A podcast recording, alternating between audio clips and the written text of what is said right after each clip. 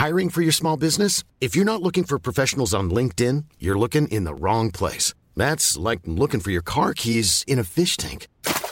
LinkedIn helps you hire professionals you can't find anywhere else, even those who aren't actively searching for a new job but might be open to the perfect role. In a given month, over 70% of LinkedIn users don't even visit other leading job sites. So start looking in the right place. With LinkedIn, you can hire professionals like a professional. Post your free job on linkedin.com slash people today.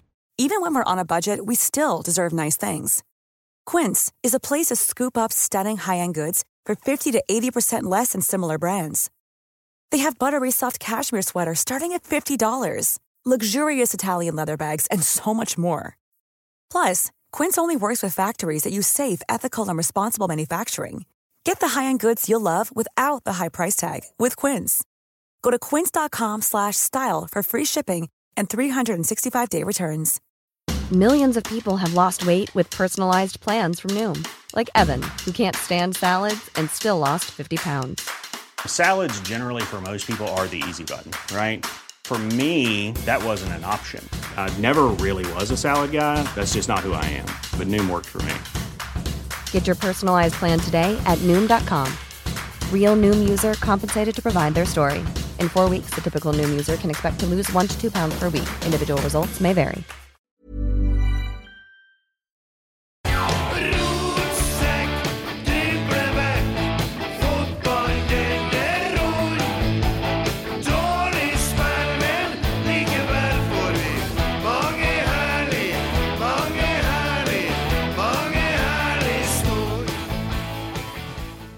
Det er torsdag, det er fullt hus, og vi er på lufta.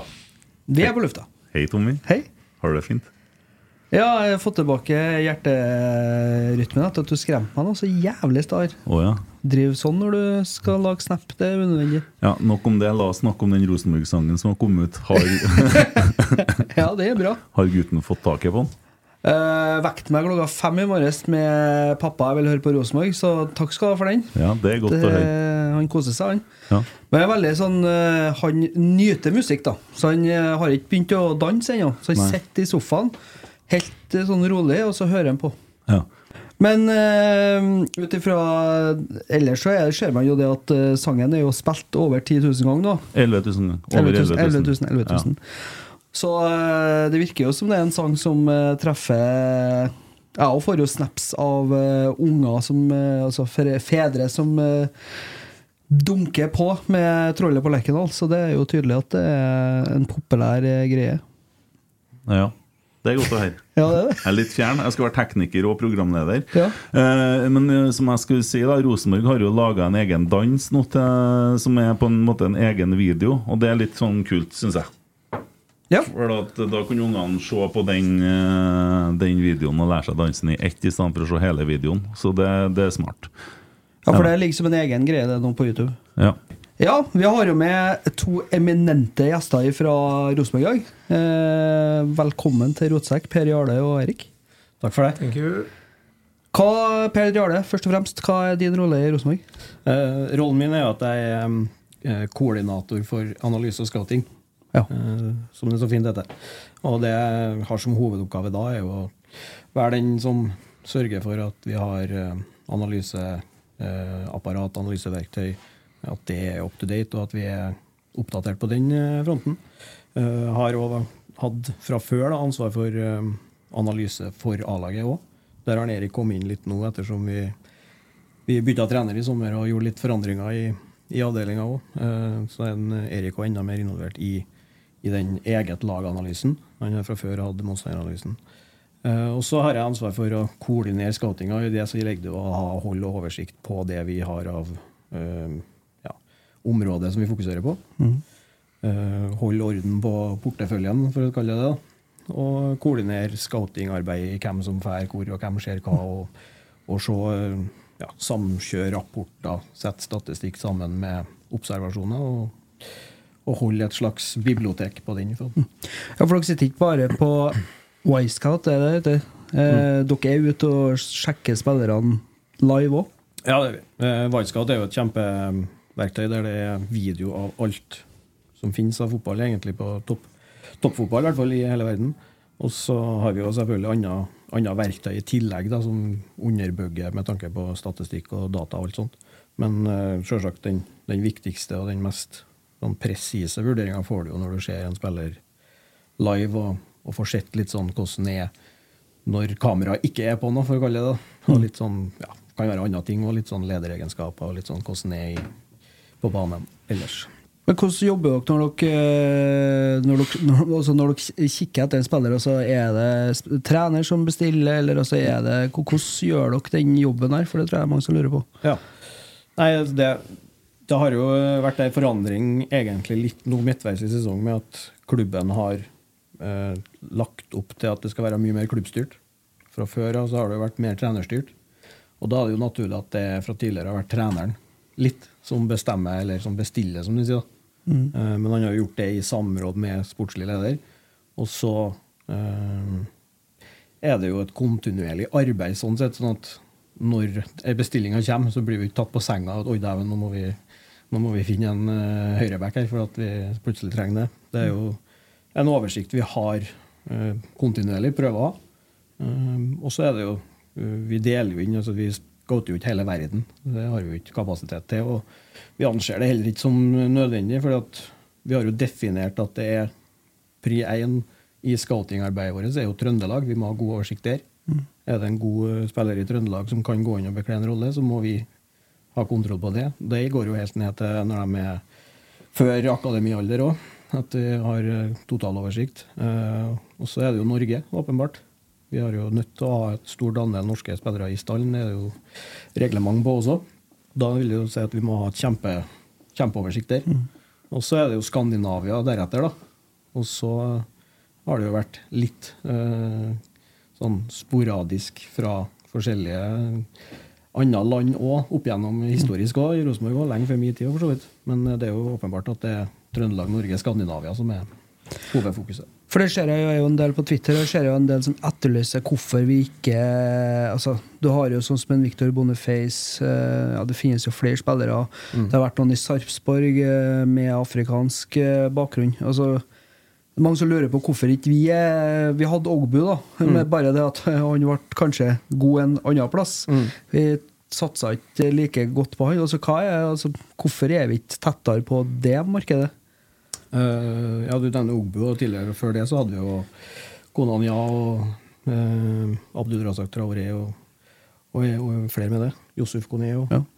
uh, Men eh, det som har vært litt Rosenborg sin fordel, egentlig, med at man hadde en ganske stor suksess i ja, 15, 16, 17, 18, er jo at vi har kunnet ha valgt først litt på det skandinaviske eller norske markedet, som har tvunget de andre til å se litt alternativt. Mens nå er det kanskje snudd litt. Ja. At nå er det kanskje noen andre klubber som har litt den første retten når det gjelder Skandinavia og Norge. Og så må vi, som du sier, kanskje bli litt mer kreative, vi òg. Så vi har jo Ja, vi har diskutert det i den forstand at vi eh, kanskje må ha et tilleggsområde i tillegg til Trøndelag, Norge, Skandinavia. Og at man da kanskje eh, gjør lurt i å snevre det inn på øh, kanskje eksakte land i Afrika. Vi kan ikke ta hele Afrika, for det, da må vi sende alle trønderne på skating. Ja, det spørs det. Eh, Men at vi absolutt vurderer og ser på mulighetene. Men det er litt sånn, vi må finne litt sånn rette kontaktene. For det er mye forskjellig. Det er noen cowboyer som er litt eh, kan plutselig selge deg noe, og så kommer det noe annet. skal du si. Eh, Men vi må prøve også å finne et akademi eller noen som på en måte vi stoler på, og som vi kan samarbeide med hvis det skal gjøres. Men at det diskuteres, det gjør det. Men altså, i forhold til det, det som er på en måte klubbstyrt, og det du sier der eh, Da vil det være da altså Noen i det her eh, ja, Ordet teknisk hjerte har jo blitt brukt en del. Og da fortrinnsvis deg og kanskje Mikke, da, som er, har den der oppgaven, og så- som jobber med det, og ikke treneren. Scoutinga den eh, skjøttes av eh, klubben, ja. Eh, Treneren han har jo altså, Åpenbart, de trenerne som trener Rosenborg, har jo en oversikt. I hvert fall i Norge, og ofte og kanskje i Skandinavia. Mm. Sånn at de òg har jo en sånn ja, eh, gode referanser og klar formening om, om spillerne som finnes. Eh, Sånn at, eh, at trenerens eh, innspill inn i spillelogistikken er jo det som veier tyngst. Mm. Eh, også nå når klubben går i en mer klubbstyrt retning, så vil jo for en sportslig leder òg vil jo trenerens eh, ønsker, trenerens inn, ja, eh, innspill angående spillerstall og sånn, det er jo det som vil være den altså Han vil jo fortsatt være den faglig mest kompetente og faglig øverste i klubben når det gjelder fotball. Altså, det blir ikke sånn at hvis, du, hvis en trener ønsker en høyreback, så kommer du ikke med en venstreving. Nei, det, det ville vært veldig dumt. Ja.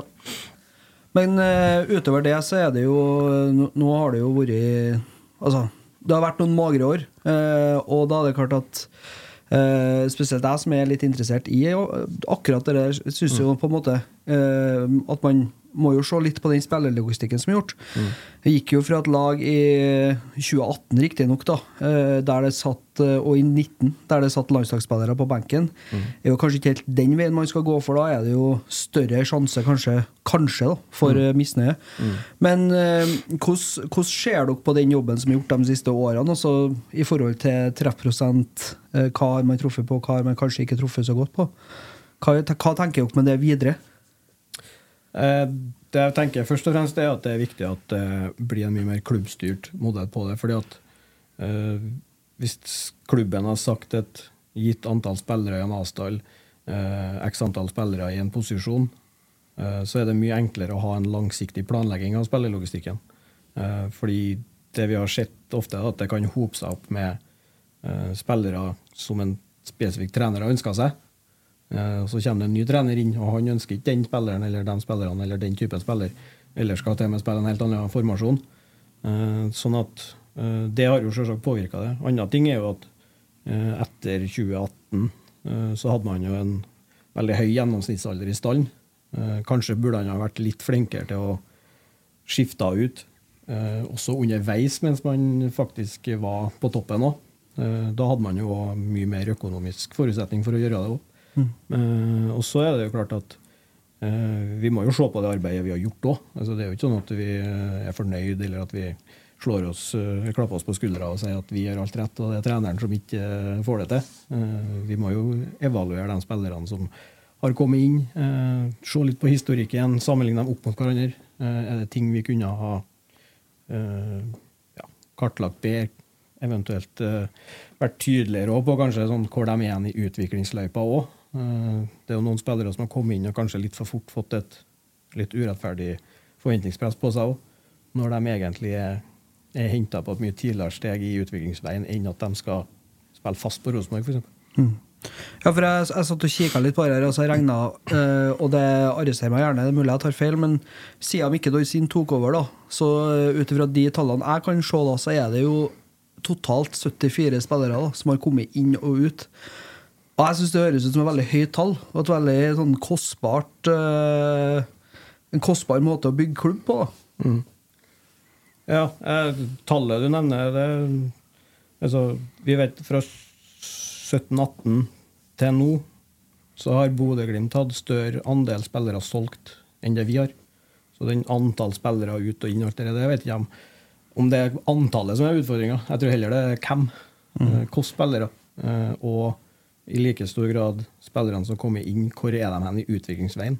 Blir de henta for å spille fast på Rosenborg? Er det forventa at de skal konkurrere? Eh, Det er jo litt til dem òg. Altså, hvilken forventning kommer de hit med? Tror de at de skal komme hit og gå rett inn på laget og være stjerne, eller skjønner de at det å komme til Rosenborg det krever faktisk at du, du må kjempe om plassen din òg? Hvis du kommer fra en ja, fra en divisjon under, eller at du blir henta fra en klubb litt lavere rangert. At, du, at du, forventer ikke, eller vi forventer heller ikke, at han skal rett inn og, eh, og dominere på A-laget. Men, men, men jeg når at vi Så før i tida, da, det er jo, det er jo røttene vi har snakka så mye om. Vi snakka litt om det i stad. Vi har leita så lenge etter røttene, og men det står nå langt ned i jorda og leter. Jeg vet ikke. Eh, Men uansett, da. Den gang så, så var vi jo veldig etablerte spillere, og sånn, så skifta vi ikke ut så mange. For at for spillerne var jo her i sju år ikke sant? før de for. eh, Eller Roar ble her enda lenger.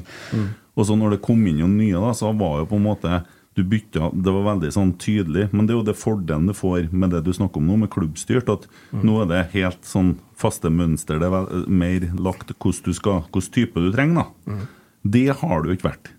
For vi har jo handla alt mulig forskjellige typer roller. Og, eh, og, og det har ikke nødvendigvis fungert så bra, men det kan vi komme tilbake til. Men har vi for mange, øh, skal vi kalle det utviklingsspillere, øh, kontra etablerte spillere? Nå er jeg klar over at en del etablerte spillere er ute med skade, men er det for stor andel eh, folk som skal lære seg systemet, kontra hva det burde ha vært? Ja, altså eh, lære seg systemet er jo et nøkkelpunkt, selvfølgelig. For at de er jo mange av de spillerne som, eh, som står nå i ei utvikling der at de spiller eh, ja, fortsatt spiller egentlig sine første eliteserieminutt. Mange av dem. De ble jo, kom jo når vi spilte et annet system enn vi gjør nå. Mm. Så midtveis i sesongen så har jo de måttet lagt til side det de har prøvd å, prøvd å lære seg, og så lære seg noe helt nytt. Eh, Det jo forsinker jo kanskje utviklinga deres litt. Eh, Og så tror jeg at, eh, eh, som du sier, at det er mange som eh, Mange av spillerne våre er kanskje eh, litt lenger ned i utviklingsveien enn naturligvis spillere som ble henta i 17-18-19. Altså, Niklas Bentner er jo ikke et utviklingsprosjekt når han kommer til Rosenborg, mens eh, de spillerne som har kommet, som er ja, fortsatt eh, født tidlig i 2000-tallet, eh, har kanskje i mye større grad måtte ha vært bidragsytere på et annet nivå enn det man kan forvente av dem. All den tid, som du sier, at spillere har vært skada, og, og den antatt førsteelveren vår på en måte ikke har vært eh, på banen så ofte. Ja, for ut ifra det som man kanskje har sett i de siste overgangsvinduene, så er det jo Dere er jo eh, godt mulig jeg tenker, tenker feil, da. Men sånn som jeg ser det, i hvert fall, så er jo siste spilleren som som på en måte kan gå inn rett i et lag som blir henta som en ferdig spiller, det er jo Jonathan Augustinsson som venstreback. Etter da så syns jeg altså, Det ser i hvert fall veldig sånn ut på papiret at mye av dem som har kommet etterpå, sånn som Rasmus Widersen, Paul, Noah Holm eh, ja, eh, kan nevne i fleng Kasper Tengstedt heller var vel kanskje ikke nødvendigvis tenkt ferdig som en spiller. Han jo skulle jo kanskje utvikles, men så var han et unikum, sant? Mm. hva, hva tenker man på det der? Altså, det er en strategi man har valgt å gå for. At man ikke Eller har man på en måte ikke hatt den økonomien til å gjøre de grepene der? Nei, eh, Alt du sier der, er jo egentlig ganske gode resonnement, sånn sett. Økonomien gjør jo at man må hente eh, kanskje litt eh, smartere, kanskje også litt tidligere. Før kunne man hente en spiller som spiller i Superligaen i Danmark. Mens eh, det er umulig nå med private eiere i danske klubber og, og eh, klubber der som er på et ja, spiller i Europa og kanskje er på et høyere nivå enn oss akkurat nå. Så det er jo en del av det at vi må hente dem litt tidligere hvis vi skal kunne uh, få dem. Uh, og så er det jo at uh, em, Jeg tror nok at vi skal ikke undervurdere det med å få litt tid til å jobbe med de samme tingene. Ha et spillesystem som er kjent, ha klare roller, vite hva det er du skal fokusere på. Enten du er på laget, eller om du skal skyte deg inn på laget. Eh, fordi at hvis det er utydelighet i det også, så er det jo ikke på en måte spilleren du kan, eh, kan skylde på heller. Men eh, har du satt den inn i et system, gitt den klare roller, gitt den den oppfølginga som kreves for å få til det, da kan du kanskje begynne å evaluere dem. Eh, Så jeg syns det er vanskelig å evaluere spillerne sånn som, sånn som det har vært de siste årene.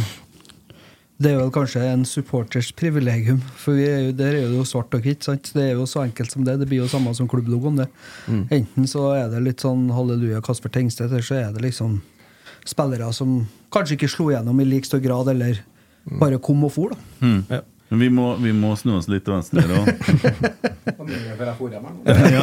er, er, du, er du lillebror eller storebror? Nei, du kan jo få gitt, da. Jeg tør ikke. Nei, jeg er storebror. ja. Ja. På alle mulige måter, tenker jeg. Ja. Ja. Du er storebror. Ja. Ja, til Ole Selnes. Ja. Erik Selnes. Eh, Først og fremst storebror. Det, først og fremst Ja, det var ikke så lett å kjenne igjen på tennene. Nei, det, det, det er en kostnadssak, tenker jeg. Det, ja, ja, ja. Eh, jeg det var du som starta det. For Ole var jo faktisk gjest av Mot alle odds i en podkast, en livepod, som egentlig ikke ble så veldig bra. Nei. Men uh, det var jo bare kaos og rør. Uh, Det er rart at han egentlig ikke vil i podkast etter den opplevelsen. ja, han vil ikke i podkast. Nei, jeg hørte noen rykter om Altså, jeg hørte ikke og fikk ikke med meg men jeg hørte noen rykter om at det gikk for seg litt der, ja. Ja. Det var litt uh, heftig og begeistret. Ja, og du mener jeg bidro litt til det. Ja, du kom med noen spørsmål, det Ja. gikk jo beint på tennene. Ja, det gjorde det. Ja, Mm. det, er, det er vanskelig å unngå. Mm. Det, det er vel kanskje litt av poenget med meg. Ja, har, ja, men har han kjørt dem for perfekt? Det er som eh, Jeg vet ikke om han kanskje pekt Altså fingeren gled litt for langt til høyre i katalogen. Jeg, jeg vet ikke. Men, nei. Eh, men uh, ja, du jobber altså med analyse. Jeg trodde jo at det var For du er jo vært på innsiden, Per Arle, og fôret og pekt og greier og sprunget. Og jeg prøvde jo, jeg overfalt deg jo en- en kamp her og ble litt redd, ja. Jeg fikk en bamseklem etter en uh... Jeg vurderte å kysse deg, men du så, jeg så frykten i øynene dine, så skjønte jeg at du ville ikke ha noe kyss. Det holder med klem. Jeg er ikke sikker på hvor mange kamper vi har vunnet. Men vi måtte i hvert fall ha vunnet én kamp. Ja. du Ja, det måtte ha vært etter Ålesund, det da. Det kommer 1,90 og en 90 kilo gubb springende gjennom gangen. Jeg var mest redd for den Mac-en jeg stod i. kanskje den skulle- Ja, sånn, ja. ja. Nei, men det er jo, som jeg sa i stad, det er jo- det at eh, Trond Henriksen jobba jo i scoutingavdelinga. Mm. Så måtte jo han eh, ta på seg Copaen igjen, Mm. som han kaller det. Sånn at da har vi rokert om litt. Sånn Erik er mye mer inn på analyse nå. For at han kan jo mye mer fotball enn bror sin, faktisk. Eh, Han gjør det? Ja, ja. Ja. Det er ja den er tvil. interessant. Ja. så mener jo egentlig altså Det Per Alle prøver å si, at vi måtte oppgradere litt på analyse òg. Det er jo ikke det han prøver å si. Ja, det gikk jo ikke så bra. Så Ja, men, også, og da må jeg jo spørre deg det første, og det første jeg spurte deg, men jeg kan spørre deg igjen. Vi har sluppet inn det samme målet i hver kamp. Etter en Svein tok over, i hvert fall. Ja, og da lurer du på hvorfor? Ja, hvorfor, hvorfor, så nå må vi nå slutte å slippe inn det målet snart, i hvert fall. Ja, Da tenker du på innlegg og litt sånn, kanskje? Eller? Ja, og så det, det er litt sånn slappe, høye innlegget, så står det en sånn eh, nordlending med bart. Eller en Bakenga der. Klart å bare de, Det er så enkelt altså, Jeg hadde klart å skåre det målet der. Ja, det Men- er mulig. Ja, men jeg hadde ikke kommet meg til den Nei. situasjonen, for da hadde de fanga meg. Ikke så, Nei, ikke så mange ganger på rad har kommet i situasjonen. Det, det var en litt noe frustrert eh, supporter sist som skrev og, og han er tydeligvis da like kort som meg. Han sa at det er så ille nå at jeg er ganske sikker på at jeg og Tommy hadde klart å skåre på det innlegget òg. Men hva, hva det har, altså, hvorfor får ikke vi luka bort det der? Hva, hvor- hvorfor skårer de de målene der på? Er det? Altså, det er jo flere måter å se det på. Det ene er jo den åpenbare, enkle måten å se det på at vi er for dårlige til å forsvare inn i egen boks. Vi er for dårlige til å ta ut løp, vi er for dårlige til å vinne duellen. Egentlig kanskje mest det første. Eh, sånn Håkon Russen for eksempel, han har jo blitt snakka mye om, han har spilt mye og spilt en del bra òg. Liksom, han vinner jo alle duellene han er i, Mm. og så er ikke han i alle duellene, f.eks. Da må du på en måte klare å oppfatte duellen fortere. Ja. Det er jo den enkle måten å se det på, at vi ikke er gode nok inn i feltet. Og så har du en annen måte å se det på som er litt mer Klarer vi å punkt én, hindre innlegg, altså at det blir færre innlegg? Det var det jo mot Vålerenga. Det var broren bror din flere ganger der at han Ja. skulle ha Det, det var ikke mot Vålerenga, var Nei. kampen før. Ja. Nei, for mot Vålerenga så er det jo De skårer på et innlegg, ja, men Vålerenga baserer jo mye av spillet sitt på å komme til innlegg og er tung i boks, og det var vesentlig færre innlegg enn det det var mot uh, Sarpsborg og ja, Ikke Stabæk, men der slår ikke som innlegg. Lillestrøm. Lillestrøm. Så det er jo den andre måten å se det på. Uh, Kan man på en måte klare å gjøre noe i kollektivt forsvarsspill for å forhindre at det blir som innlegg? Og så er det jo den tredje måten å se det på, som er det at altså Bodø-Glimt da er dårlig i forsvar, satt på spissen. Men det blir ikke prata så veldig mye om, for de er så gode i angrep. De har så mye ball, og de er såpass mye gode i angrep at hvis de slipper inn to, så skårer de fem. Så jeg tenker at ja, åpenbart så må vi bli bedre på det helt basice med å observere, posisjonere oss, ta ut løp og ditt og datt og bli tøffere i boksen, for å bruke det enkle språket. Men så må vi, mener jeg, også et lag må se på helheten og uh, lede motstanderen en annen vei, presse dem hit eller dit, så vi ikke får som innlegg imot. Eh, tenker jeg Det er jo minst like viktig, og ikke minst bli så god i eget spill at eh, ja vel, at man tåler litt mer av det, og at vi har mer ball, motstanderen får mindre mulighet til å slå det innlegget. Så Det var et langt og teknisk svar, men, men det, det er jo åpenbart, alle ser jo det åpenbart at man er for dårlig til å forsvare egen boks, men det blir for lett å på en måte alltid peke på han som taper duellen. på en måte. Det begynner ofte før det. Ja, og det, det mener jeg jo. Altså, Ole var med én kamp, det er to ganger han ikke kommer opp i spilleren. Han står for langt unna spilleren. Som, som slår det innlegget. Og, der, og vi har jo Det, det hadde vi i fjor òg, også under Kjetil og Geir. Eh, de målene vi slapp, inn opp i Tromsø, det var sånn vi rygger for mye mål. Eh, og de står utom 16-meteren og prikker den inn. Det, de slapp inn litt mange av i fjor. I år har de den litt sånn slappe innlegget som bare detter ned på hodet til en. Ja, ikke sant, og det er det med Ole da. Gjør han en dårlig jobb? Ja, kanskje. Eller har laget havna så mye bakpå, vi er så mye på etterskudd at vi er på etterskudd i ene duellen, neste, neste, og til slutt så kommer Ole på etterskudd igjen. Mm. Sånn, Det, det er Og det er jo på en måte litt min jobb i analyse òg, for fotball er svart-hvitt på en måte. Det er ræva eller det er bra. Mm. Det, det, men så må du på en måte klare å se litt bak det òg. Det at vi slår Vålerenga er jo alt, alt kjempefint, helt konge, men, men hvorfor gjør vi det, og hva kunne vært bedre? For det er jo egentlig ikke en fantastisk fotballkamp. Det er det ikke. Nei, altså som, som vidt jeg har forstått, da, eh, så, så ønsker jo Rosenborg nå å være et eh, ballbesittende lag som har ballen mest. Og det var vi langt unna. Nei, ja, der, der har jo Vålerenga Hva var tallene for Eller? Husker. Jeg tror det ble ekstremt til slutt. Jeg tror det vært 70-30, men det har jo litt med at vi leder og skal forsvare ledelsen på slutten. av. Så, Ja. de, ja, så, så tallene blir jo litt sånn altså Ja, de har jo bare de siste ti minuttene, men eh, de har null målsjanser, vi har to eller tre. Så at det, det er jo på en måte ikke så svart-hvitt at du kan bare se på tallene. Men jeg, altså, jeg er litt opptatt igjen av det at vi får mye innlegg imot oss av en grunn, og det er det at ikke vi er gode nok i eget angrepsspill. Mm. Det er på en måte min hovedkonklusjon. Og så vil du alltid få noen innlegg, så du er nødt til å bli bedre til å forsvare, men vi må begynne med det som skal kjennetegne oss, da, og det er å være enda bedre med ballen, ha ballen mer. For da, da får, det er enkel matte, da får Mosejern færre muligheter til å slå inn. Ja, øh, og så lurer jeg på hvor stor forskjell er det på 3-4-3 eller 3-5-2 kontra 4-3-3? Det kan være store forskjeller, det kan være små forskjeller. Eh, jeg tenker at det handler først og fremst om hvilken tilnærming du har til det. Eh, vi kan ta et konkret eksempel. Altså, det er jo forskjell på 3-5-2 og 3-5-2 òg. Med det så mener jeg at det er veldig forskjell på hvordan eh, Tromsø Nå spiller de for så vidt 3-4-3 med Jærdal, men si- Tromsø, Molde og HamKam spiller. Sant? Der du har HamKam i den ene enden av skalaen, eh, som egentlig spiller 3-5-2, 3-4-3 for å ha masse folk inn i boksen og masse folk inn i andre boksen. Ja, de er jo på fem Ja, ja, sant. Det, det er tjo og hei og tjo og hei, Ja. begge veiene. Eh, og så har du Tromsø, som gjør det for å ha veldig mange spillere sentralt og kan kombinere og spille seg ut. Og sånn måte. Og så har du Molde, som kanskje er en mellomting av det. Sant? Og det, det går jo på tilnærming. Eh, for hva gjør du hvis du spiller 4-3-3, og så dytter du en Adrian litt høyere i banen, som kanskje han er enda bedre på, egentlig? Ja. Spiller en Erlend høyre back, da, så går han litt inn kanskje i en fase, og så går Emil og Jane inn. Altså, det, det handler først og fremst om tilnærminga til spillet. Ja. Eh, Så en forskjell er det.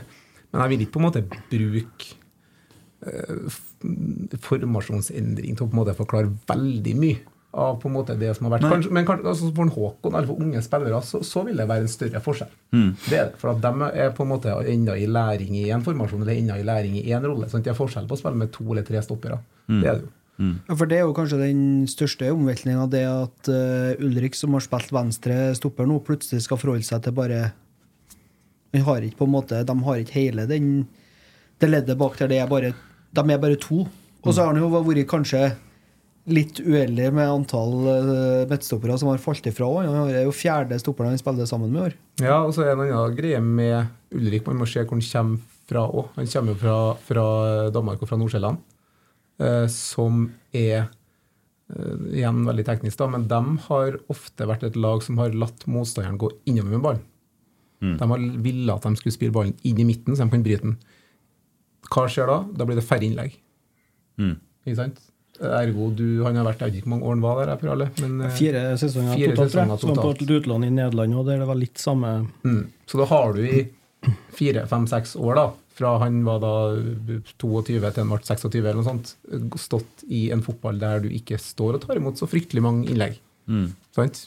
Så det var også litt det jeg mener med at det er mer en kollektiv greie. Hvordan forsvarer du deg? Ja. Ikke bare så enkelt Og- som at Nudrik må vinne duellen sin, selv om han må det. Men eh, Og andre veien, da, så med Markus bak i fjor, når han går fram, eller Sam var også ganske glad i å kunne gå litt fram i banen, så sto vi jo plutselig en med to bak og noen ganske ivrige wingbacker. Da Da kunne det jo plutselig se ut som en litt annen formasjon. Så det er jo bare tallkombinasjoner, og så må man jo tilpasse det til spillerne vi har. Og der igjen gjør vi jo en endring mot Vålerenga, for da spiller vi ikke 4-3-3. Vi starter jo ikke kampen med det. nei. Det er da Svein Målen ville sagt Hvor mange midtbanespillere spilte vi med? Ja, men vi spiller Jo, men så systemet er satt opp Som, som jeg forstår det da Så er vi på en 4-2-1-3-formasjon Egentlig Ja, altså hva du kaller det. Noen kaller det 4-2-3, noen kaller det det. Før du til Sverige, så kaller de det 4-4-2. Mm. Så det handler jo egentlig bare om Altså, vi kaller det 4-3-3, og så er det hvordan du konstruerer ja, Men med to sittende da Og så en snudd ved da Ja. Ja, Sånn som en Sverre Brandjøk, eksempel. Ja. Sånn, ja, ja for han, han lå jo Yes. Ja Men eh, Har jeg fått fortalt, for jeg husker jo ikke en dritt av det. du husker ikke du Husker ikke mye? Nei.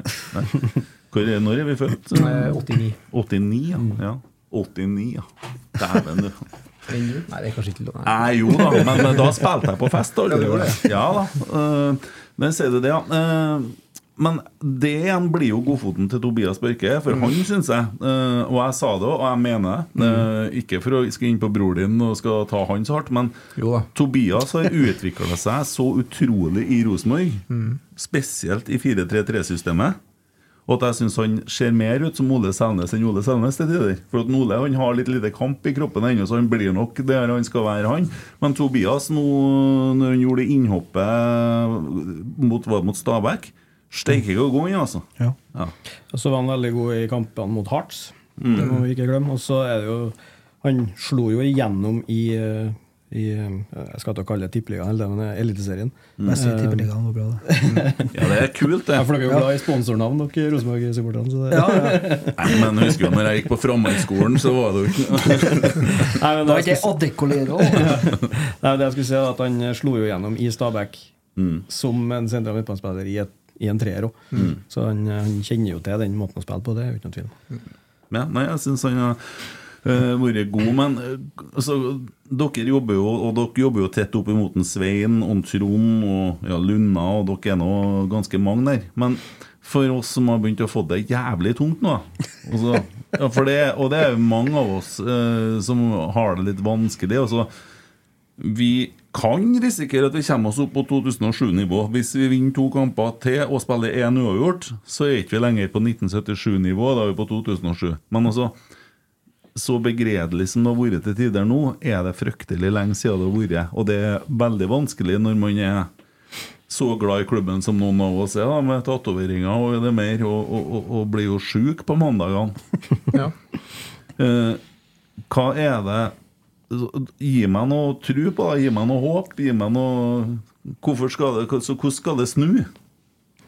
Altså, jeg bruker ofte når vi, altså når vi snakker om at ting går dårlig, og faen, vi var dårlige, og spillerne var dårlige, og alt er ræva, så husker jeg når jeg starta Jeg starta i Rosenborg i sommeren 2018.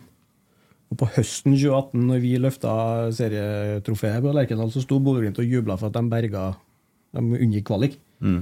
Og to år etterpå så er de jo seriemester. Ja, Det er synd de ikke i ned. Det kan du si. Ja, Men, det eh, sier jeg. Da hadde han fått sparken, han. Det kan hende. Så, så det, det er jo kort. Altså Det er jo ikke noen lang vei, sånn Nei. sett, hvis en tenker på, på det. Så jeg har veldig stor tro på at vi, vi staker ut en kurs nå i høst som vi kan bygge videre på neste år. Mm. Med altså, Erik husker jo det kanskje bedre enn meg, da, men sånn 2014-2015, der når de unge spillerne slapp til i et system som vi alle sammen eh, kjenner til og elsker, og hele klubben støtter opp og ønsker, mm. så tror jeg de kommer til å ta store steg, og så skaper vi nye Rosenborg-profiler og enda et, eh, et storlag om ikke så altfor lenge. Mm. Mm. Og så er det, Per Alle sa det litt i stad, altså det er mange som nå er nødt, eller har vært nødt til å slå til eller ta steg sammen veldig fort, samtidig. Sant? Du har en eh, 21-åring fra Canada. Du har en som kommer fra et nivå 2 i Danmark. Eh, Du har Sverre Nypan, som er 16 år. Du har eh, Håkon Røsten, som er 18 år. Eh, Sander Tangvik, som er 21. Eh, Ja, Leo er bare Kålvik og gutta der, det Sander, gamle check. Den- Ja, ja, absolutt. Det, det. Men, men alle dem jeg nevner, kunne jeg jo nevnt flere, og har Ja. jo på et eller annet tidspunkt vist at de er gode fotballspillere. Mm. Og så har ikke de klart å vise det samtidig over tid ennå. Eh, Det er jo en klisjé, på en måte, men, men Ja, det er jo veldig mye å hente ut av gruppa. Så har man ikke klart å hente ut alt av den ennå. Og når det er så mange, så blir det jo litt vanskelig. Sant? For Hvis det kunne ha vært litt færre i den elveren som har vært der, så har det blitt litt lettere å få det til fortere, ikke da? Ja, så tenker jeg at det er jo uf- blir jo pekt på som en unnskyldning, helt åpenbart. Men når du ser på dem som er ute da, og har vært ute En ting er jo på en måte hva Markus, Erlend, André, ja, Tobias og alle der bidrar med på banen, men det er noe med en kultur på trening, det er noe med en tilstedeværelse, det er noe med at kanskje du kan spre litt hvem som drar lasset. Boksspill, Boksspill, dødballspill, sånne basice ting. Eh, Du løfter et bunnivå. Mm. Litt sånne ting. Altså at uh, Det er jo en, en av mange faktorer det også, som gjør at ting har blitt som det har blitt. At man har en del tunge forfall ut samtidig. Det er Mm. helt åpenbart. Og ikke minst at det er voksne, etablerte, rutinerte spillere. Mm. Ja. Uh, Sandberg Rasmus. Han er jo klar for Rosenborg. Eh, Han bør dere jo egentlig sette av et par timer. Det, det, det, kanskje, kanskje det er gjort. Det er gjort. Det er gjort. Det er, han For han har i Rasmussen ja, han har allerede vært her òg, så vi har blitt, vi har blitt venner, vi. Men, eh, men eh, har du vært nå på scouting-biten der? For at vi har jo leita etter keeper nå, for André som du snakker om, han, han er jo på tur. eh, heim, eller Nei, han er jo ikke heim Odd, da, men sikkert hjem til der kjerringa, for han drar til Odd, jeg skjønner jo det. Ja. Altså, jeg og eh, Erik vi har jo, Det er vel to spillere i neste års Rosenborgsdal vi har scouta bedre enn noen. og det er Mikkel Seid og Rasmus Sandberg. For de jobba jo til oss i RBK-skolen. den gangen vi ja. Jeg hadde Rasmus på kretslaget i 2016 òg. Ja, han, han tror jeg vi har hatt ganske god oversikt over. Ja, for det var jo litt sånn eh, Vi snakker jo om det som sitter her og prøver å mene noe om Rosenborg fem-ti uker ca. cirka, eh, At henter vi altså, Enten så henter vi en type Rasmus, og da blir en Sander førstekeeper sånn i hvert fall mest naturlig. da Han er i hvert fall den som er mest etablert, uh, sjøl om han kanskje er han er yngre. Året yngre. Ja. Ja. Men hvis vi hadde henta en sånn uh, type uh, ja, tenkt case Faye Lund ja, for å være førstekeeper, da hadde jo Sander vært på utlån. Og da hadde du måttet hente òg en ny uh, keeper. Så det var litt sånn her rar situasjon nå, på en måte.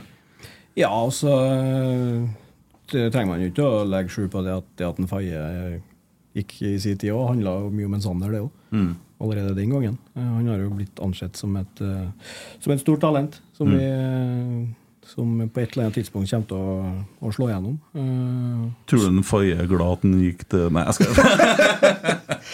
Uff, da. Har- syns jeg bare synd på. Ja, han er skada nå. Ja, det skjønner jeg, men lell. Du, du kommer opp her og Ja, men- fair on keeperen, Ja, så Drit i det laget oppe her. Håper de rykker ned om ikke så lenge. Ja. Da har jeg vært eh, sportsdirektør i en eliteserieklubb, eller ja, toppdivisjon Skandinavia uansett. Så tror jeg nok kanskje jeg hadde kikka på en, eh, en keeper i Bodø som har lyst til å spille noen minutter. For eh, Mm. at han er, er god nok til å spille på nesten alle lag i, i toppdivisjonene i Skandinavia. Det er ikke noe tvil om. Det som var, det, det som var fint med Faye, var at han ble takka av. Han ble takka av alt etter han hadde signert til Bodø. Det ble gjort sånn ordentlig, og så fikk han ferd noen dager før. og sånn I motsetning til hva de bruker å gjøre med sine spillere. Men, det er jo litt sånn altså, Reservekeepere har jo en tendens til å bli litt sånn eh, fort kan bli litt sånn kulthelter òg. Vi har jo Mm. eksempel i Premier League har det jo ofte en ganske sånn gamle, nesten oppi 40-årene, som Mm. sitter på benken. Og så har du jo Lunna sjøl. Han spilte jo ikke alle kampene. for han ble jo presentert som reservekeeper når han kom tilbake. Han. Har vi henta oss en ny andrekeeper, fra han Bjørn Skjæran når han sto på. Ja, den er fin. Men eh, han ble jo eh, ja, de virker jo som kjernen er glad i han fortsatt. Ja. Eh, Din far òg var vel kanskje en uh, Spilte ikke så mange kamper, han heller, men han var godt likt. Nei, han spilte så få kamper han at når han plutselig fikk spille en, en treningskamp, så hadde han et veddemål med en annen som brukte å sitte på benken med han ofte. Og at, eh, så han gikk ut i feltet og plukka ballen og ropte reservekeeper i stedet for keeper. Var, nei, han har fire år på flisræva, ble han kalt, tror jeg. Ja. Så det, var, det er ikke noe som Rosenborg-legende i så måte. Men han har vært en del oppe i Steinkjer. Han bor jo der, har bodd der i ja, 20 år i hvert fall. Ja. Eh, trener damelag, jobber på Stor suksess i år, har han? Ja, veldig. Eh, Ja, for, ja, ja, for han trener damelag, ja. Ja. For det herrelaget har ikke så stor suksess. skjønner Nei, du. det gikk det heller dårligere. Det gikk rett ned. Det er vi litt skyld Jeg tenker du på toerlagspolitikk? Jeg tenker på Ja. toerlagspolitikk, ja. For mm. både Bodø og Rosenborg eh, klina til med eh, ganske ja, ja, Det er fylt bare, opp. det er bare å slå dem, selv om de stiller med spillere. Ja. Jo, for det så vi jo når Rosenborg spilte med en del A-spillere på Byåsen i fjor. Ja. Det, Ja, og i, Nå på. Salmarbanen for et par måneder siden. Det var Ja. Samme laget som hos Steinkjer. så ja. Ja. Men jeg vil bare gå videre. Det var ikke noe, hadde Ja. Jeg skal ikke ikke, kanskje ikke ta opp noen sånn toerlagspolitikker, men Nei. jeg bruker alltid å si at eh, røkker du ned, så har du fortjent det. Mm. Ja. Det, um, For du har ikke møtt bare toerlag. Det har ikke vet Nei. tatt Du har mye møtt poeng. både Verdalen, og Ork- Orkla, Rana og Mosjøen og alle de der. Ja, må vi først snakker om toerlag Jeg så Rosenborg 2 Trønderlyn, og du, du trener jo Byåsen, ja. så du følger jo litt med Rosenborg 2 òg. ja. Der så jeg en eh, gutt, vet du. Eh, Han eh, Sunde. Jesper. Dæven, hvor kjapp han var, og hvor bra han var. Og jeg satt og så på han på treninga og syns han har begynt å tatt noen steg nå. Ja, han eh, Jeg hadde jo Jesper på kretslag, 06-kretslaget, i to år da han var 13 og 14. Mm. Eh, han er et kjempespennende eh, Spiller jo stort sett wing, da. Og nå spiller jeg jo heldigvis med vinger igjen, så da er veien åpen for, Ja. for Du, er, du er glad i 4-3-3? ja, jeg skal ikke legge skjul på at, det- at det er det jeg setter mest pris på. Ja. Men eh, nei, Jesper Sunde har hatt en fin uh, utvikling. Jeg har hatt litt sånn eh, sykdomstrøbbel og sånn i år. Har vært litt kyssesyke og, Mm. og litt forskjellig. Eh, men uh, nå virker det som han har uh, fått orden på det, og så har han eh, fått vært med en del på A-treninger nå i høst òg. Senest i dag. Og, og fått eh, en hyppigere, hyppigere eh, hospitering der òg. Så det gror, eh, det gror veldig godt med akademiet nå, med to lag i cupfinale og, og mye unge spillere på A-lag, så det, det er veldig artig. Ja, jeg var og kikka Hvem var det? Uh, mot HamKam her. Uh, og så Ja, jeg føl- så sånn noe semifinale og noe greier. G19. Så, noen noe spis, det er en stopper der, blant annet, som jeg syns så veldig bra ut. Og det er jo litt sånn fordi at Er det noe Rosenborg har fått til de siste årene, så er det å produsere folk som er like høye som en Tommy. Og sånn midt, midtbanejordfresere. Der har vi altså, Kan jo ramse opp mange, av dem på Ranheim nå. Og, ja. Eh, men det er ikke så mange sånne store altså Stoppere lager vi jo lite i Norge, da. Det kommer det jo generelt lite av. Dere tror jeg har vært øh, Det har jo vært en liten trend i norsk fotball. Det der vi, i- hvis du hopper til 2010 til 2020 ish der, da, så mye Mats Møller Dæhlie og litt sånn små Sant? Det, det var en litt sånn trend på at nei, Spania var god, vi skal spille sånn, vi skal få frem indreløpere, teknikere, mellomromsspillere, ditt og datt, som er kjempefint. Um, og så blir kanskje de som i utgangspunktet har sin forskjell med å være stor og sterk, eventuelt rask, de blir kanskje litt pusha unna. da, Og litt kretslag eller hva nå er, at man er veldig glad i dem som er gode med ballen, og så må ikke du tenke på dem som faktisk er gode uten òg. Mm. For det er viktig, det òg. Ja, det er jo det. Men det kommer vel sikkert en ny boom nå med en Haaland som har Spørs, ja. Spørs om det kommer noen sånne okser nå.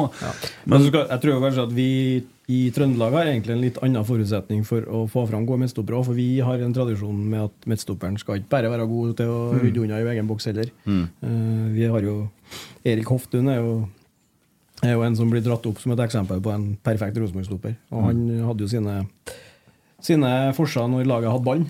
Og det er jo med mange av de stopperne som ja, Det har jo kommet en del gode midtstoppere ut av ikke nødvendigvis Rosenborg, alle sammen, men kretslagssystemet har de vært gjennom med både Leo Gjelde og, og Anders Børsed, som har gått fra, fra Molde nå til Wolfsburg, som òg er fra Trøndelag. Som, som òg er spillere som er veldig gode når, når laget har ballen. Så jeg tror vi, vi i Trøndelag også er en sånn fordel sånn sett òg. Vi kan skape midtstoppere som har en eh, litt mer sånn internasjonal standard på, på med ballen nå, og så må vi ta en, et enda et steg med uten ball, kanskje. Men der er jo Håkon Røsten er et eksempel på en som kan bli ganske ekstrem på det. Mm. Ja, Håkon er fryktelig spennende. Så Men det er ikke Håkon Han heter han andre nå? Håkon Volden? Håkon Singstad Volden, ja. Mm. Han er nevø av en tidligere Rosenborg-spiller som har spilt kanskje én kamp. Ole Johan Singstad, som er en gammel Kiel Hemne-legende. Så ja. Hvor, hvor, du var, hvor du var fra igjen, du? jeg er fra Hemne. Ja, for det, det, det, de dialekter er litt sånn Fosen-sleng, ja, vet du. Ja, Men det blir jo litt sånn uh, tang litt. og kyst og ja, Ja. Det blir jo fort litt sånne ord, da. Vet du. Faren var sjømann, sikkert. Ja, ja, ja. Kiel Hemne, vet du. Der har det jo kommet mye bra fra òg. Men nei, jeg hørte jo han Brede Hangeland satt og snakka om det i en podkast i forhold til problematikken de har med stoppere. Og det må de jo ha, for de bruker jo han som uh, bomma på straffe på en sånn Tangvik som stopper på landslaget, liksom, og det er ikke så mange å ta av. Og det er jo litt sånn fordi at det produseres litt for lite stoppere i Norge, da, skjønner jeg. Gode stoppere. Ja, altså Ja, de påstår det. Jeg, jeg er jo litt sånn jeg vet, jeg vet ikke om jeg er helt enig. Jeg syns det er mange gode midtstoppere som kanskje ikke har blitt Hanke Olsen har vært skada og slitt litt med det, så han har jo kanskje ville ha spilt i den rollen hvis ikke. Eh, Du har Jesper Dalland som er i Belgia. Han er jo litt ung fortsatt, da, men han er jo gamlere enn Leo Østigård, for så vidt. Så har du en som spiller i Premier League, da. Vel Det har du i tillegg. Venter jo litt på han òg, så Ja. Men, men hva tenker dere da, når dere sitter og ser på Rosenborg nå, dere sitter i samtaler, og, og vi ser jo at vi kan jo Ja, noen rø- Røsten har jo litt hurtighet, men vi blir jo tatt litt på fart innimellom. I hvert fall før Røsten. Vi kan jo ikke hvile Rosenborg-laget på en 18-åring eller sånn på normal. Kan vi det? Nei, og da blir jo Kjedelig svar, da, men da blir jo min rolle i analyse blir jo ikke nødvendigvis å se på at han ikke er rask nok. Det blir jo å se på hvordan vi som lag kan oppfatte situasjonen tidligere. Hvordan man kan oppfatte det tidligere og unngå det på den måten. For det at en spiller er treg eller rask, er jo omtrent et faktum, hvis du skjønner. Altså, Ja. Det er ikke så mye å få gjort noe med. Nei, Nei men altså, Det er jo kanskje et dårlig eksempel. Men flere plasser på banen da, så kan man si altså, trenger ikke å navngi eller trenger ikke å si posisjon, men man ser at på den posisjonen der er vi litt for svake. Her må vi ut og hente en spiller som har det og det egenskapene. Og, så og nå kan du jo begynne å tenke komplementære ferdigheter på en annen måte òg. Mm. Gjør du det? Er det, er det sånn nå, du, du får sånn spesialoppdrag om å finne en som har rettvendt ballmottak, og som går på altså, Skjønner du? Altså, du har jo på, på, det er jo egentlig to, to posisjoner på banen der at komplementære ferdigheter kan være litt avgjørende. Det ene er jo midtstopperplassen. Der at uh, man altså Én av to midtstoppere bør jo ha fart som Mm. sin styrke. Uh, Erlend Reitan spilte jo midtstopper før han ble skada nå, og er en- en av dem som har desidert høyest fart. Uh, så der er vi jo på en måte godt dekt. Og Håkon Røsten og i tillegg er der som også har fart som sin forskjell. Så er vi jo godt dekt sånn sett, egentlig. Uh, En annen rolle der komplementære ferdigheter kan ha litt å si, det er jo indreløperposisjon. Ja. Der at vi tradisjonelt sett har hatt kanskje én som er litt mer ja, ballsikker, eh, god i oppbyggende spill, og så har du en som er litt mer sånn eh, ja, ja, god til å drible, dra av folk, skape ubalanse. Eh, og så er det ikke noe i veien for å ha to som gjør det. Og, det Nei, altså, det kan kan du du kan gjerne ha to stoppere som springer dritfort. Og, eller du kan òg ha to stoppere som ikke springer så fort, også, så lenge de er smart. Ja, vi har jo prøvd det en stund nå. Men i hvert fall som ikke har den eh, voldsomme hurtigheten. Men så får du jo til å bygge sånne diamanter eller trekanter, som det gjerne blir da med det her indreløperen, bekken og, og vingen, ikke sant? Mm. Eh, Eksempelvis så hadde vi jo Svensson eh, og Pål André og Mark Jensen, som var en sånn nydelig lite trekløver. Og da får du jo på en måte noe der òg som fungerer veldig godt sammen. Mm.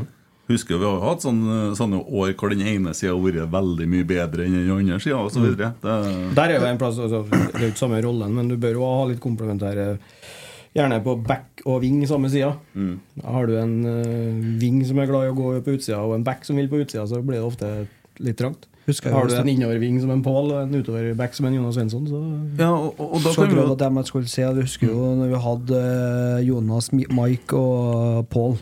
Den trioen der på høyresida til Rosenborg. Tror du han fikk hjerneblødning. Sa ikke han litt bare det må jo sove litt, da. Ja, Ja. Beklager. Det her skal jeg spørre tilbake og spille til en gang, for det her var ekkelt, Tommy. Men da, da kan vi jo ta oss til nåtiden, da. Dere var jo Er det på, er det lyd ennå? Har du skrudd av lyden? Nei, dere, Ja, det den forsvant helt for meg. Ja, ja, ja. Men så så har vi jo Jaden og Adrian nå, da. Begge to veldig offensive styrker. Og, og der er det jo Altså Der må man jo jobbe litt. Og Jaden ser jeg jo, han har jo kommet seg litt nå i forhold til bevegelsesmønster. Jeg syns vi ser fra forrige kamp et kjempeeksempel på at vi har gode komplementære ferdigheter i laget, der vi får eh, satt opp en Emil og en Jaden der de kan utfordre både gå inn i banen, men òg ikke bare gå inn, men fra derifra igjen true boksen òg. og da får du backene våre som er glad i å komme, og ut på utsida. Så jeg mener at det, det laget vi har nå, er fullt av komplementære ferdigheter. Det handler bare om å gi dem mye opplevelser sammen, sånn Ja. at de bygger relasjoner. Men jeg syns Jaden springer mer riktig nå enn hva han har gjort tidligere. Han har ikke alltid hatt de riktige bevegelsene. Nei, kanskje ikke, men så må du huske på at eh, Jaden, og for så vidt også Emil, kommer fra et system og en måte å spille på der de for så vidt har spilt kant, eller ving, men de har ikke på en måte vært eh, Jan Derek Sørensen som har sleika på kritt og, og bare tura ned mot cornerflagget. Det har vært litt av det, men det har òg vært at man har gått litt inn i banen, at man har spilt rollen litt annerledes. Og så kommer du hit, og så må du på en måte få lov til å være deg sjøl. Så må du samtidig inn i en spillestil som ikke gjør at du må endre deg totalt, men, men du må på en måte gjøre noen små justeringer. Altså, vi må ha en spillestil som treffer spilleren, men spilleren må passe inn i spillestilen. Sant? Og da ser du, sånn som jeg prøver å si, at i de siste kampene, så, og det er kanskje litt med at man spiller med to sentrale, og at den, Jaden har kunnet gått litt mer inn i banen. Eh, og da er han jo Da skårer han jo ett mål og er vel involvert i Ja? Og da, mm, fra en posisjon ganske smalt inn i banen. Ikke helt ute på krittet. Sant? Men så må han samtidig lære seg det å starte bedre, oftere og bedre i bakrom. Sant? Det er jo åpenbart. Men, men, eh, men eh, det er jo et potensial der. Og så må man få lov til å bruke ferdighetene sine på det man er best på. Og han er nok aller best foreløpig litt inn i banen. Og så må vi jobbe med å få, få Den dagen vi får til begge deler, da det jeg. Ja, for det er jo det, det er Da må vi telle penger. Ja, Ja. det. ja, for det er jo det jeg går og venter litt på. på. Har ikke du en sånn pengeknapp, er du det? Jeg- jo, jeg har fått med det, ja. Ja, jeg har hørt litt, sjø. Jeg ser ikke uten briller. spiller jeg jeg dårlig nå. Er, Se der, jeg Ja. Ja. Vi kan, vi kan bruke den. Ja. Er. Når Jaden lærer seg å gå ja. Hæ? Da Det går jo ikke bare å beholde den og så spilte oss sjøl i rike stedet. Ikke selge den med en gang. Jo, vi snakker penger til klubben. Vi snakker, vi snakker medaljer, Tommy. Ja. Ja. Jeg sa ikke at du skulle selge. Jeg sa bare da må vi Ja, begynne å telle ja, penger. Det var jeg som sa det, så jeg beklager det. ja, ja, ja. Men jeg skjøt jo litt for ofte. Det, det, Ja, du får litt sånn rett skal være rett-holdning når du sitter inne på hjørnet. Det er viktig. Mm. Ja, det er det, ja. Det skulle dit, ja. Vi har eh, fått inn ganske mye spørsmål, så vi kan jo ta litt med, med dem òg. Uh, starter med Erik først. da Uh, Trym Riise lurer på hvordan dere fikk de respektive jobbene. Jeg var litt innpå hvordan du røkka opp. da Bakgrunn, utdanning, erfaring, kurs osv. Hvordan får du en sånn jobb som du har? Jeg tror å være kortest mulig på den, da. Um, jeg begynte i Rosenborg i 2014, mener jeg. I utgangspunktet utdanna lærer. Uh, har vært fotballtrener siden 2010. Uh, så da var jeg 20, 21. Og så i juniorlag ditt og datt, hadde kurs og alt sånn opp igjennom, og har nå Uefa A-lisens, som jeg tok når jeg var 26. Eh, Så begynte jo Rosenborg da i RBK-skolen med, med fotball etter skoletid. Eh, og så fikk jeg Når var det, da? Et par år siden. Så begynte jeg å få litt mer oppgaver inn mot A-laget med litt videoanalyse og litt sånne ting. Eh, og så har det bare på en måte blitt mer og mer. Da. Så jeg har jo på en måte, men jeg har jo den fotballfaglige bakgrunnen i så måte gjennom at jeg er fotballtrener. Da, mm. Og har uh, ja, ydmykt nok relativt høy utdanning innenfor fotball, i hvert fall. Ja. Men du, for du er jo Byåsen-trener, Mm. Snakk- sa vi kanskje i stad. eh, Om møtet av at det er Rosenborg 2. Mm. Litt snodig situasjon. Det var verre rare, Det har vært rarere for noen år siden, for da var jeg jo stein hakke gal. Eh, sant, at jeg har jo altså, Pappa har vært fotballtrener i mange år, han, og så har jeg krangla med han på Mozart benk. og liksom og sånn Småkjekla med en Lunda for noen år siden. Men nå har jeg roa meg veldig. sånn at Ja. eh, det Hvordan gal da? Sånn har, du, har, du har jo sett han som heter det samme som meg, som spiller utpå her, da. mm. Det blir jo litt av det samme greia, da, tenker jeg. Vi er litt arvelig belasta på at det kan gå i kule varmt. Men eh, det er en stund siden nå. ja. Vetle Veierød tar unna litt, ser jeg nedpå der når han er uenig med fjerdedommer. Eh, Kjekt å sende den fysiske treneren, så slipper nå hovedtreneren å bli sendt bort. i hvert fall. dæven, kanskje ikke han ble Ja, øh, jeg skulle spørre om noe, men det datt bort. Jo, RBK-skolen, der jobba du en stund. Fikk du med en saken om RBK-skolen for noen måneder siden? Eller Gjorde ikke du så på? Nei, det var, det ble en, som et innlegg som kom i avisa om klaging på på Rosenborg. der det ikke kom ja. Stemmer det. Stemmer det, stemmer det. Og der var, var det alt som stemte i saken der, eller var det det tror jeg du vet bedre enn meg, for den saken leste ikke jeg så nøye. Eh, altså det, det som skjedde der, var jo at det var landslagspause. Mm. Rosenborg-spillerne hadde fri. Eh, og så er det litt dårlig kommunikasjon i, i inngang til det, som gjør at når du da står der med fotballskole, og de skal ha A-lagsbesøk Mm. fra én eller to spillere, så, så var jo ikke spillerne i Trondheim. De hadde jo ferie.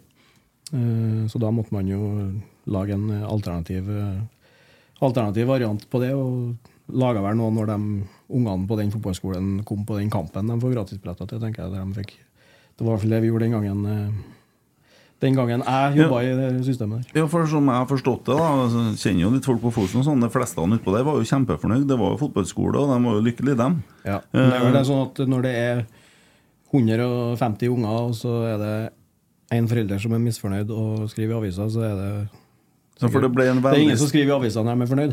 Nei, det ble en veldig stor sak fordi det var en som ville møte eh, kjente fotballspillere. Men Mm. eh, ja, nei, det er jo ja. Eh, Litt urettferdig mot RBK-skolen, var det jeg skulle fram til, for de gjør en veldig god jobb. Helt uh, inhabil som er helt fantastisk. Ja. Det er helt nydelig opplegg. Fantastisk bra opplegg. Ja, det var, det var bare det jeg ville ha frem, og skryte litt av RBK-skolen. Kanskje vi skulle rydda plass til dem her. Ja, Det har vært mye snakk eh, i, i andre aviser enn dere opererer gjennom om at om det der er Tiger og det der privatsatsingene til noen foreldre. Eh, Vi mener jo at det er mye bedre å lage et tilbud som virkelig er tilgjengelig for alle, eh, gjennom RBK-skolen. Der kan hvem som helst melde seg på. Har man dårlig råd, så kan man jo søke om diverse uh, søknader eller stønader som gjør at du òg kan få være med uansett. Eh, og der er det nesten fulle hus hver dag nå på fotball etter skoletid, og alle de tilbudene de tilbyr, så det er Hvor langt kjempe- ned i alder er de som uh... Jeg tror det er fra andre, Andre. klassen. ja. Mm. Og det er for seint for deg, Tommy. Du får ikke uh... Du hadde jo en liten en, jo, jeg var med i 99, da. Ja. ja. Men det begynner å bli noen år siden, en, eh, jobba ikke vi der. Nei. Nei, det gjorde dere ikke. Vi klarte ikke å med alle. Nei. bare Det var noen som Var ikke å håpe det uansett. Og Per Jarle, da. Bakgrunn og Eh, reise fram til Ja. Eh, jeg skjønte litt tidligere enn Erik at jeg ikke kom til å bli noe god i fotball sjøl. Så jeg begynte som fotballtrener i 2008. Da var jeg 18. Uh, og så har jeg vært uh, fotballtrener eh, siden. Uh, var ja, via aldersbestemte lag i Lemne. eh, en tur til Nardo. Og så har jeg tatt en eh, bachelorgrad i sport management. Eh, gjorde som, som de fleste hemværingene som skal bli gode. De må en tur til Møre først. ja. Både Pål Helland og Erik Hoftun og Vegard Forhen og Magnus Damnestrø. Alle de for en tur til Molde, og så, Ja. eller Møre i hvert fall. Og, Ja. og det gjorde jeg òg. Jeg dro til Molde og studerte. Eh, og var fotballtrener i Treff på alle prosentlag der. Og så eh, fikk jeg jobb i Rosenborg i 2018, i RBK-skolen, like som Erik. Jobba der i ja, eh, to-tre år, og så fikk jeg muligheten med analyse på A-lag første omgang sammen med Geir Hansen, Mm. da han, var, da han begynte her. Eh, Så har det jo likeens med Erik balla litt på seg. Og så når Geir Hansen flytta tilbake til Ålesund, så tok jeg over den koordineringsjobben da, med å være den som er lederen for analyse og scouting. Mm. Så har jeg UF og B-lisens. Det har ikke Mm. tatt et steg videre, sånn som Erik. Men, det så derfor jeg har han å lene meg på vet du, når det Ja. Skal Han, han, argumenteres. han er PC-alibiet, og så er jeg det taktiske alibiet. Ikke det som er Ja, Det har jeg faktisk hørt at det har vært noen i podkasten og sagt at jeg er så god på data. Mm. Det har jeg fått skryt for. Men jeg mener jo bare at vi er født til rett tidspunkt. Ja, og så sitter vi på kontor ofte med Trond Henriksen, og da blir alle gode på data. ja, for han er ikke god på data. Nei, men husk på, jeg Han har måtte, data. husk på, jeg måtte Jeg var på Scania Cup med sønnen min. Mm. Første Scania Cup han er sju år, i sommer nå. På en lørdag klokka halv elleve på formiddagen så ble jeg ringt av en Trond Henriksen som må komme ned på brakka. Mm. Det er ikke så ofte, Jeg er ikke alltid på jobb på lørdagene. sånn utgangspunktet. Må komme ned, det er en PC og skifte passord. Mm. Må hjelpe- kjøre ned fra Scania Cup en stein til Erkendal for å hjelpe en Trond Henriksen med å skifte passord. Det er gjort på 30 sekunder. Så måtte jeg kjøre opp igjen. Ja. Så da er det, det Han Trond er Så det er ikke rart at han plutselig får stempel på seg for å gå på dataen. på brakka, for Nei. sånn. Men, For det er eh, sagt, Han er veldig flink, men han er ikke flink på PC. Det er fryktelig nivå. Ja, ja, ja. Han er heller ikke glad i podkast. Han eller Ole. Nei, for du har du prøvd å invitere han, eller? Ja, det er ikke sjans. Nei, ja, det, og det, det tror ikke jeg mener hvis dere skal ta personlig. Jeg tror jeg, Nei, nei, jeg gjør ikke det. Nei. Nei, Du kan ikke alliere dere med noen som kidnapper en, Eh, Ah, nei. men jeg har vært på fest sammen med Trond, men jeg skal ikke utlevere noe der. Men uh... Nei, fy faen, jeg er altfor glad i livet mitt til å prøve å kidnappe Trond Eriksen. jeg spilte, da. Og så Trond uh, ja, nei, jo. Skremte Fredrik Midtsjø, i hvert fall, for å si det sånn. Uh, og, Vi har jo kjørt var- sånne Trond, Trond Henriksen-vitser hele år. ja. ja, De er som regel ganske gode. Ja, men I'm Sandra, and I'm just the professional your small business was looking for. But you didn't hire me because you didn't use LinkedIn jobs. LinkedIn has professionals you can't find anywhere else, including those who aren't actively looking for a new job but might be open to the perfect role, like me. In a given month, over 70% of LinkedIn users don't visit other leading job sites. So if you're not looking on LinkedIn, you'll miss out on great candidates like Sandra. Start hiring professionals like a professional. Post your free job on linkedin.com/people today. Millions of people have lost weight with personalized plans from Noom, like Evan, who can't stand salads and still lost 50 pounds. Salads, generally, for most people, are the easy button, right? For me, that wasn't an option. I never really was a salad guy. That's just not who I am. But Noom worked for me. Get your personalized plan today at Noom.com. Real Noom user compensated to provide their story. In four weeks, the typical Noom user can expect to lose one to two pounds per week. Individual results may vary. Hey, it's Paige DeSorbo from Giggly Squad. High quality fashion without the price tag. Say hello to Quince. I'm snagging high-end essentials like cozy cashmere sweaters, sleek leather jackets, fine jewelry, and so much more. With Quince being 50 to 80% less than similar brands. And they partner with factories that prioritize safe, ethical, and responsible manufacturing. I love that. Luxury quality within reach. Go to quince.com slash style to get free shipping and 365 day returns on your next order. Quince.com slash style. Ja. Uh, en bekymring jeg har. Ja. Og det er jo nå eh, vi, en, altså. Nå skal vi til Uefa A-lisensen og spørre. altså. Ja, det er en- A og B. Han tar de vanskelige spørsmålene. Nei. eh, når Kjetil og Geir kom, så ble jeg veldig fort kjent med en Kjetil. Og fikk jo god innsikt i måten å spille på. Og fikk veldig sånn forklart at det her er måten å gjøre det på, for det fungerer sånn og sånn, og da kommer vi flere i angrep osv. Altså, god innføring, eh, for å si det sånn. Og så tenkte jeg ja, det her har jeg trua på. For jeg hadde sittet og sett på Rosenborg i ganske mange år, spilt 4-3-3 og ikke fått det til. Jeg stått og stanga rundt 16-meteren og ikke funnet rommene, og så har vi fått en kontring imot, og så gått til helsike. Eh, og pila gikk jo egentlig sånn. For det, vi har jo egentlig sluppet inn de samme målene en god stund, vet du. Eh, og da sier man jo at det her har jo utvikla seg. Det er mange som snakker om tilbake til røttene. Jeg er litt redd for det der tilbake til røttene. Men hvorfor skal 4-3-3 plutselig fungere så mye bedre enn nå? Nå skal jeg være forsiktig for ikke å banne på noen som helst måte, men for meg så handler ikke tilbake til rytteren om å spille 4-3-3. For meg så handler tilbake til rytteren om å gå ut og angripe motstanderen og angripe meg i fotballkamp, med at du skal være bedre enn dem Mm. og dominere dem. Mm. Det er utgangspunktet, tenker jeg. Ja, for, for satt ikke man innpå Mikkel Seid mot uh... Ja, altså Da, Da hadde vi tre bak. du Da hadde vi tre For, bak. all- for, all, for all del, og det var Vi hadde nesten sju bak på Rosenborg. For del. Og så skal vi, skal Det er så mye klisjer man kan Jo, jo, dra fra men- nå, men sånn ja, Rosenborg Brann 10-0, Brann har på, mer possession i Rosenborg. Altså, Jo, man forstår meg litt, da. Altså, Mm, ja, absolutt, den, dere der med å stå stang sånn, og Ja. måten dere spiller på. Ja. Og så er det klart at det har òg utvikla seg. Man spiller ikke på samme måten lenger. Hva er annerledes? Eh, Annerledes er nok, eh, tror jeg egentlig, at romforholdene er annerledes. Altså Fotball handler i det store og hele om veldig mange ting, men man kan også bryte ned til at det handler om tid og rom. da. Ja, Sarmed, jeg sier det til deg. Tid og rom. Jeg har gjort research, jeg. Ok. Ja, og så tenker jeg at romforholdene endrer seg. Hvis du ser en fotballkamp fra 90-tallet eller noe sånt nå, så, og fra, jeg lurer på om det var dere, jeg så dere Beckham-greiene på Netflix, og da var det fra noe VM 98, og, sånt, og det er, det er så mye mer rom. Mye mer rom å spille i.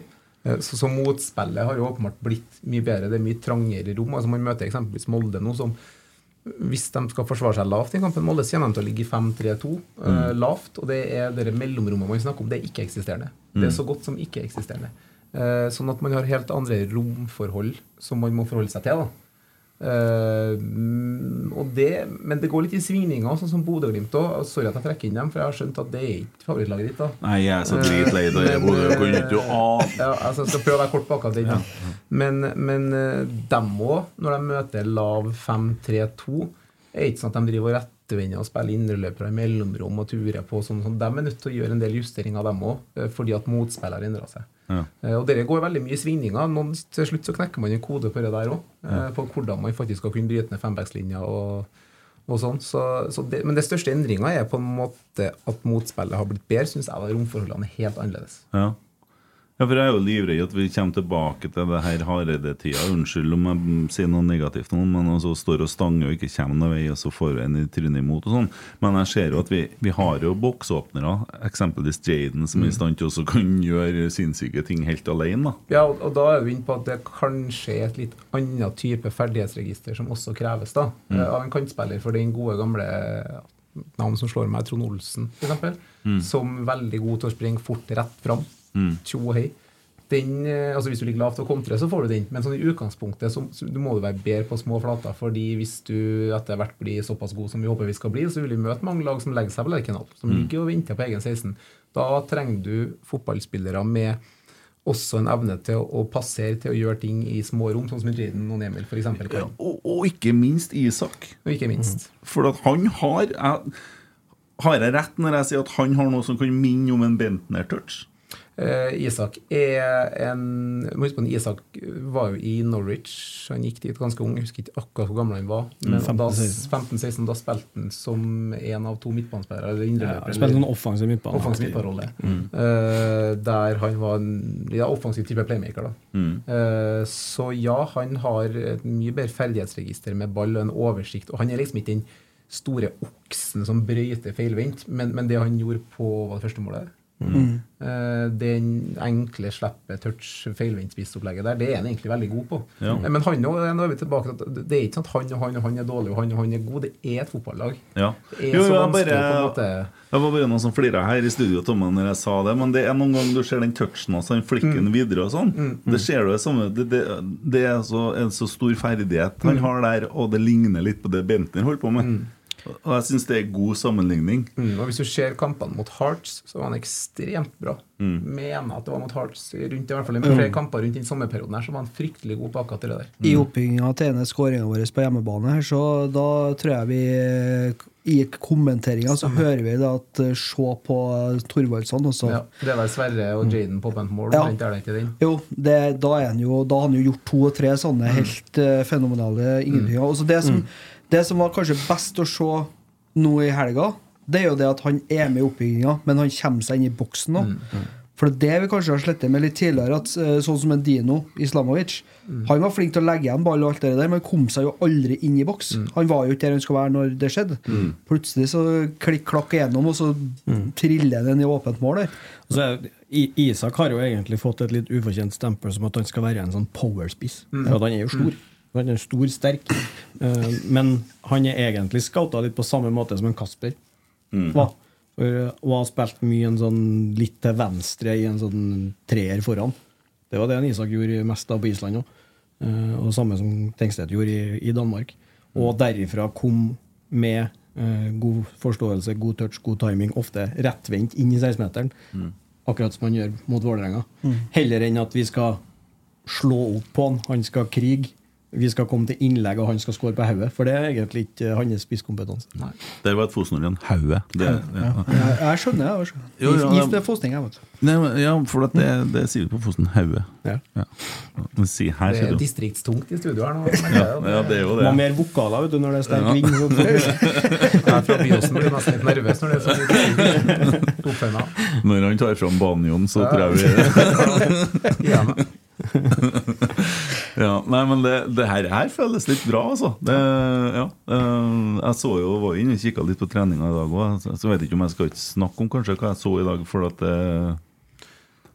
det var ikke Nei, men Isak han spilte jo ikke eh, midtspiss i dag, i hvert fall ikke når jeg satt og kikka på. Da var han jo ikke der. Nei, det var litt forskjellig, var ikke det? Ja. Stå i mål, Jo, nei, var imot, ja, han var keeper, ja. Keeper. Nei, men uh, altså, Isak har jeg sånn trua på at uh, Ja. Men hva tenkte du når Ole, Ole Sæter la han til skudd mot Vålerenga der 40 meter unna mål igjen? Jeg tenkte jo det som alle andre i hele verden tenkte, at uh, han skal skjøte der. Tenkte du at han skal skjøte? Jeg Selvfølgelig. tenkte- jeg, ikke, sto ikke i VG-en dagen før. Jeg tenkte nei, ikke gjør det, Ole. Det går det, Jo, det, det, går! Det, det er jo ikke skrudd sammen og riktig. Det er jo et eller annet Det er jo, så, det er jo Ole Sæter. Ja. Den Ja, ballen skrur litt. Ja, Men altså, ja, det skal går an å få det mer- men uh, Går det an å få mer deja vu fra i fjor? Altså, det, det er klin likt. Ja. Og det er bare det å gjøre det. Altså bare det å finne på at du skal dryle til der. Helt Det er en ganske viktig scoring og en ganske viktig seier i forhold til at vi får Ro. Slapp av litt nå. For hvis vi hadde tapt den kampen her, så har vi ikke sittet og smila hele tatt. Nei, det tror ikke jeg vi, vi har gjort tenker først og fremst utvikling, vi, i Men ja, hvor lang tid tar det å utvikle dette her til å bli et eh, skal vi si, topp fire-lag, da? Det trenger ikke å ta så lang tid. Per Ale var vel inne på det i stad med Bodø-Glimt-eksempelet, men jeg syns jo et like bra eksempel i så måte er jo Viking, som, Mye bedre eksempel. Som ble nummer Elleve. i fjor. For det, det der er en sånn flåsatt greie som som jeg ikke har skjønt helt med at da, Hvordan skal man ta igjen eh, Jeg vet ikke hvor mange poeng det blir, men 20-25 på mål. Hvor mange poeng blir det bak Glimt etter hvert her nå? Men hvordan skal man ta igjen de 20-30 poengene? Men vi trenger ikke ta igjen dem, for vi starter på null da, når vi begynner i mars. da Og så er spørsmålet heller da om man har en del ting å ta igjen på, en del strukturer i klubben eh, og en del sånne ting, men på banen Også, Hva er det som tilsier at Rosenborg ikke skal vinne de tre første kampene og få en god start? Hva er det som tilsier at man liksom skal begynne i den samme altså, Nei, det, jeg tror ikke man eh, at Rosenborg skal bli stabilt, vinne Eliteserien tre-fire-fem år på rad tvert her nå, liksom gå tilbake Det- dit, det kan ta tid. Men å være med i toppen, det kan ikke jeg forstå. Det er jo hvorfor. en fordel, da, at vi er så dårlige som vi har vært på resultatmessig nå. Vi blir ikke akkurat ribba nå til jul. Det går nå ikke an. Men hvis at vi må begynne å selge pga. økonomien, og så må starte på nytt igjen hele tida, for det er jo en situasjon vi har vært i. Altså, og da må vi jo Det er jo ikke måten å ta igjen noen på, hvis det skal se sånn. Altså. Nei, det hadde jo kanskje ikke skada med litt kontinuitet i spillergruppa sånn eh, en liten periode. Det kan jeg være enig i. Det er jo derfor vi har resignert eh, såpass mange i, i høst òg, da. Og Der våkna eh, scouting. Og så litt, lang kontrakt med dem som har kommet. Fordi Ja. at vi eh, tenker i de baner. Ja. Eh, og da eh, har vi Skal ikke stille noen spørsmål, du, Tommy? Skal du kanskje ta det? Er du på samme rekkefølgen som meg, eller? Nei, men- det. Har- Harry J. Anslinger. Ja. Det høres ut som en, en tysker fra Voldsomt. eh. Ja, det han eh, kompanjongen til Derek, det er det sikkert. Forklar kjøpene i vinter. Hvorfor ble Aga Sadiku Ingasson vurdert sterke nok for troppen? Sadiku får vel ikke være med i troppen til start engang. Bare skyt inn på den siste på, før Per Arne tar over at Sadiku er skada. Ja. Bare sånn at eh, det Rett skal være rett. Yes. Uh, og ikke for å rette for mye, men Ingasson henta vi i fjor sommer.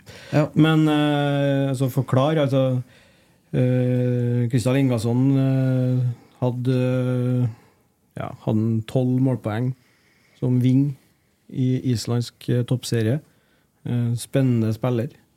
Har en fin sånn Vi ser ofte på spillere som har vært ofte i et bra akademi. Tatt et steg kanskje ned for å spille seg opp, sammen som Kasper. Eh, Emil Fredriksen og i akademiet til Heerenveen. Jeg kaller ham bassisten, men uh, Ja, jeg er blitt bassisten din. Kristian eh, Eh, Kristian Lingasson var i akademiet til FC København. Uh, var et stort talent fra Island. Uh, gikk tilbake til Island under covid-stenging og alt sånt. Og spilte veldig godt i den islandske serien. Da blir det interessant for oss. Åpenbart. På samme måte som, som en Isak òg. Og da blir han en spiller som vi følger veldig tett. Eh, og så kommer eh, sommervinduet der vi vil Altså det er et ønske om å forsterke frontleddet. Eh, og det kommer opp flere alternativ, deriblant Kasper Tengstedt og alt mulig. Eh, og han, da. Eh, og så er ærlig nå, han var billig. Det, det er bare det, ja, altså Den er jo billigere enn å hente en en som har skåra 30 mål i Superligaen, åpenbart.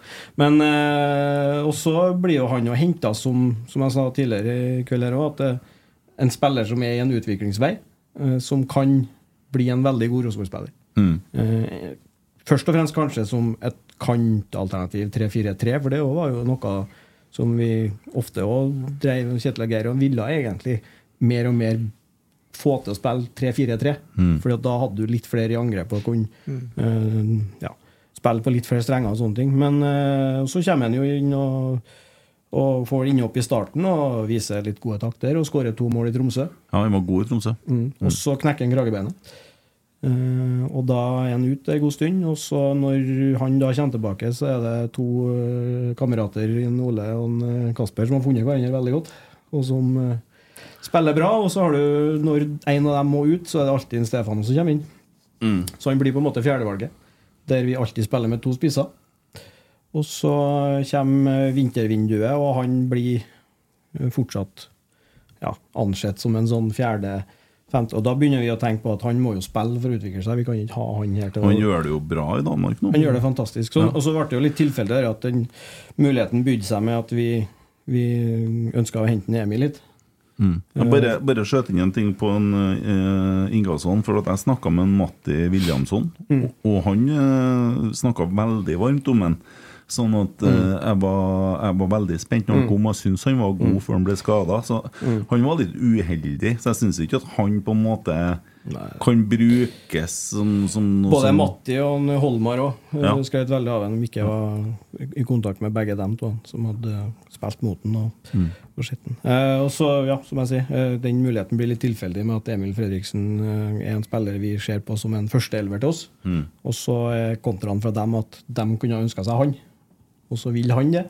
Og så blir alle enige om det, og han har, som du sier tror han har fem mål og fire assist for dem allerede i høst, så han har jo virkelig Og for å snu på flisa, hvis at han da ikke hadde vært i Rosenborg noen gang og skåra så mange mål og hadde så mange assist for Sønderjyske, så er jo han i kategorien Emil Fredriksen og blitt interessant igjen. Mm. Så det er jo sånn verden fungerer litt òg. Ja.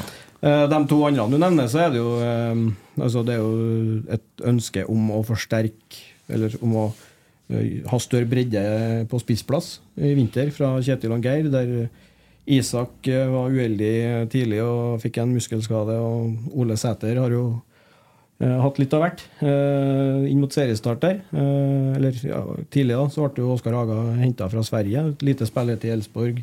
Skåra noen og 40 mål i Obos-ligaen før han gikk dit. Sånn profilmessig et åpenbart alternativ som vi altså Vi kunne jo henta han rett fra Grorud, ingen som har kommet og stussa på det. Men åpenbart kanskje henta som en som skal utfordre dem, dem vi har som er tiltenkt å spille fast. Mm. Stefano var jo her på det tidspunktet ennå. Uh, og så blir det jo sånn som det blir i vinter, at det er mye skader, og alle spiller litt. Og da blir det jo det som jeg sier tidligere, at da kommer kanskje folk inn i en sånn uh, forventning om ting som de egentlig ikke skal bidra med nå. Uh, hadde alle vært skadefri, så hadde vi jo spilt med Isak og Ole, eller Stefan og Ole, og så hadde han fått komme inn innimellom og fått litt ro og fred. Sammen med, med, med en Ago nå, som blir henta litt sånn i hu og hast rett før seriestart der, fordi at Ole fikk en skade. Ja, han Som fikk jo nesten samme dagen. Det skjedde jo så Ja. fort, alt det der. Ja. Men Og da ender det opp med, når de da er skadefrie igjen, så ender det opp med litt for mange, og så blir konkurransen for stor, og så må du låne dem ut. Og så er det som Erik sier, at han er skada nå, så det er derfor han ikke spiller i, i start. Ja, og, og Agon han har jo fått ganske mye pes, ser jeg også nede i Kristiansand.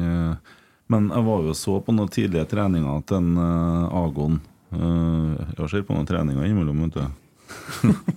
Ja, sett deg, Ja, ja. uh, og, og, og han, han skåra jo på alt som var. Så jeg tenkte dette her blir jo steinbra. Jeg gikk inn i et veddemål med Emil Almås her om at han kom til å skåre fryktelig mye mål for Rosenborg. for Jeg fikk veldig trua på han, men så kan jo Ja.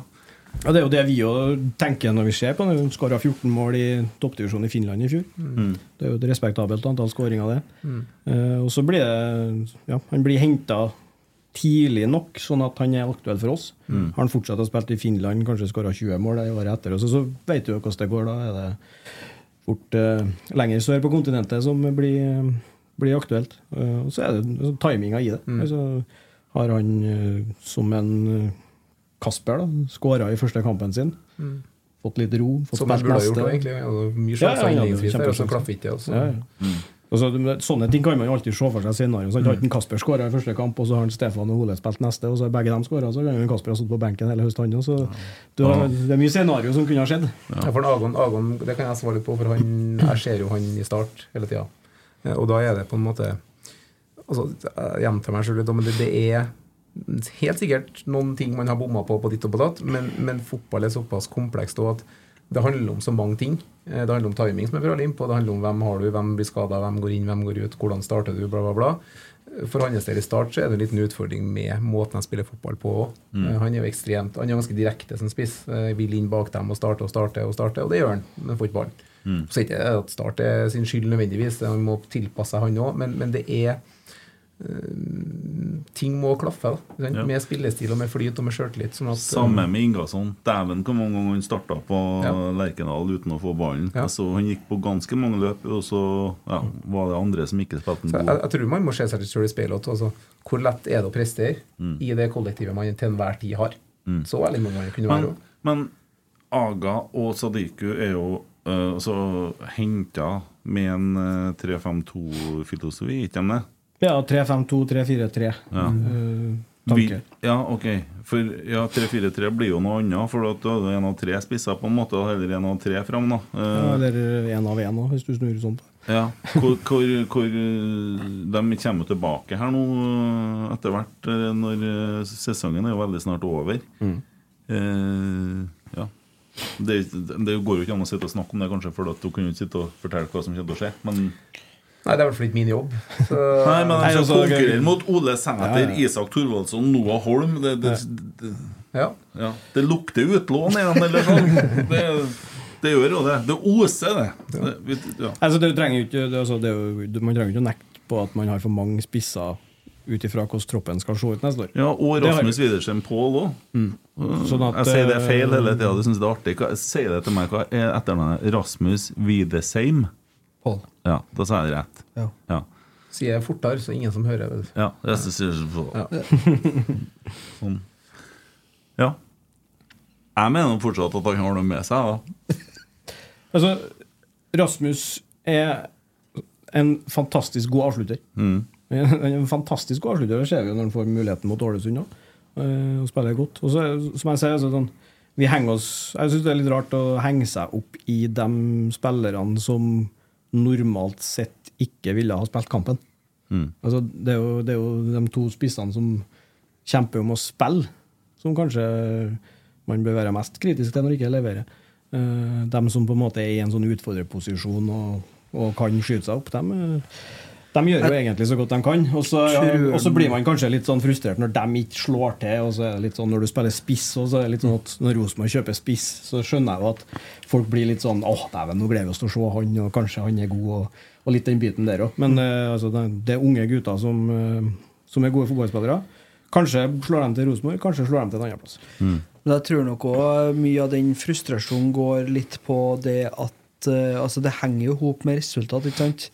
Men nå går vi inn i fjerde sesongen på rad uten verken å være i nærheten av en cupfinale, nærheten av Eller nærheten av Europa er vi jo, for at vi er jo med å prøve å kvalifisere oss.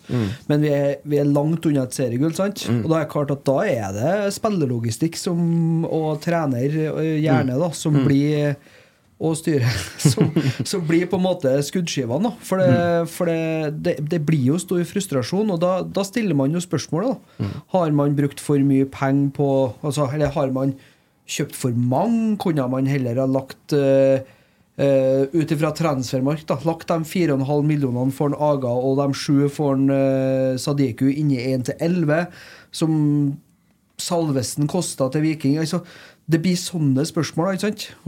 Og det, og det henger jo ihop med resultatene. Det er jo ikke nødvendigvis at man er irritert eller sur på de spillerne, men man stiller spørsmålet. Jo, jo, man, Så er det at en sånn spiss, eh, en spiss og det, det er sånn, Når du eh, snakker om en høyere prisklasse og Salvesen f.eks. Salvesen har jo ikke villet komme til Rosenborg og så få sagt at ja, men du må konkurrere med Ole og en, eh, Isak og Noah. Mm. Det er jo noe med det òg. Altså, Hvilken type Absolutt. spillere er det absolutt. som Ja, litt sånn kunstig her, for at vi fikk litt tekniske utfordringer med å gjøre slutten på nytt igjen. Fordi at opptaket hadde ikke blitt med, for minnekortet var fullt. Sånn kan skje. Har det skjedd noen gang i analyseverden Jeg, Jeg tror det var Trond Alstad som kom inn og så sensurerte det. hvis jeg- Nei.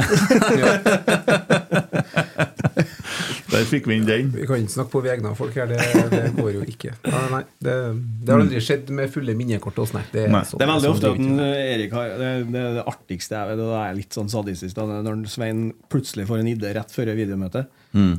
og så må han Erik på veldig kort tid finne klippet. klippet, sette det inn i det tegnesystemet han har, og tegne veldig sånn fint. Ja. Da, da kjører det piple i panna på en eh, Da sitter jeg og koser meg litt. Ja, ja, ja, ja.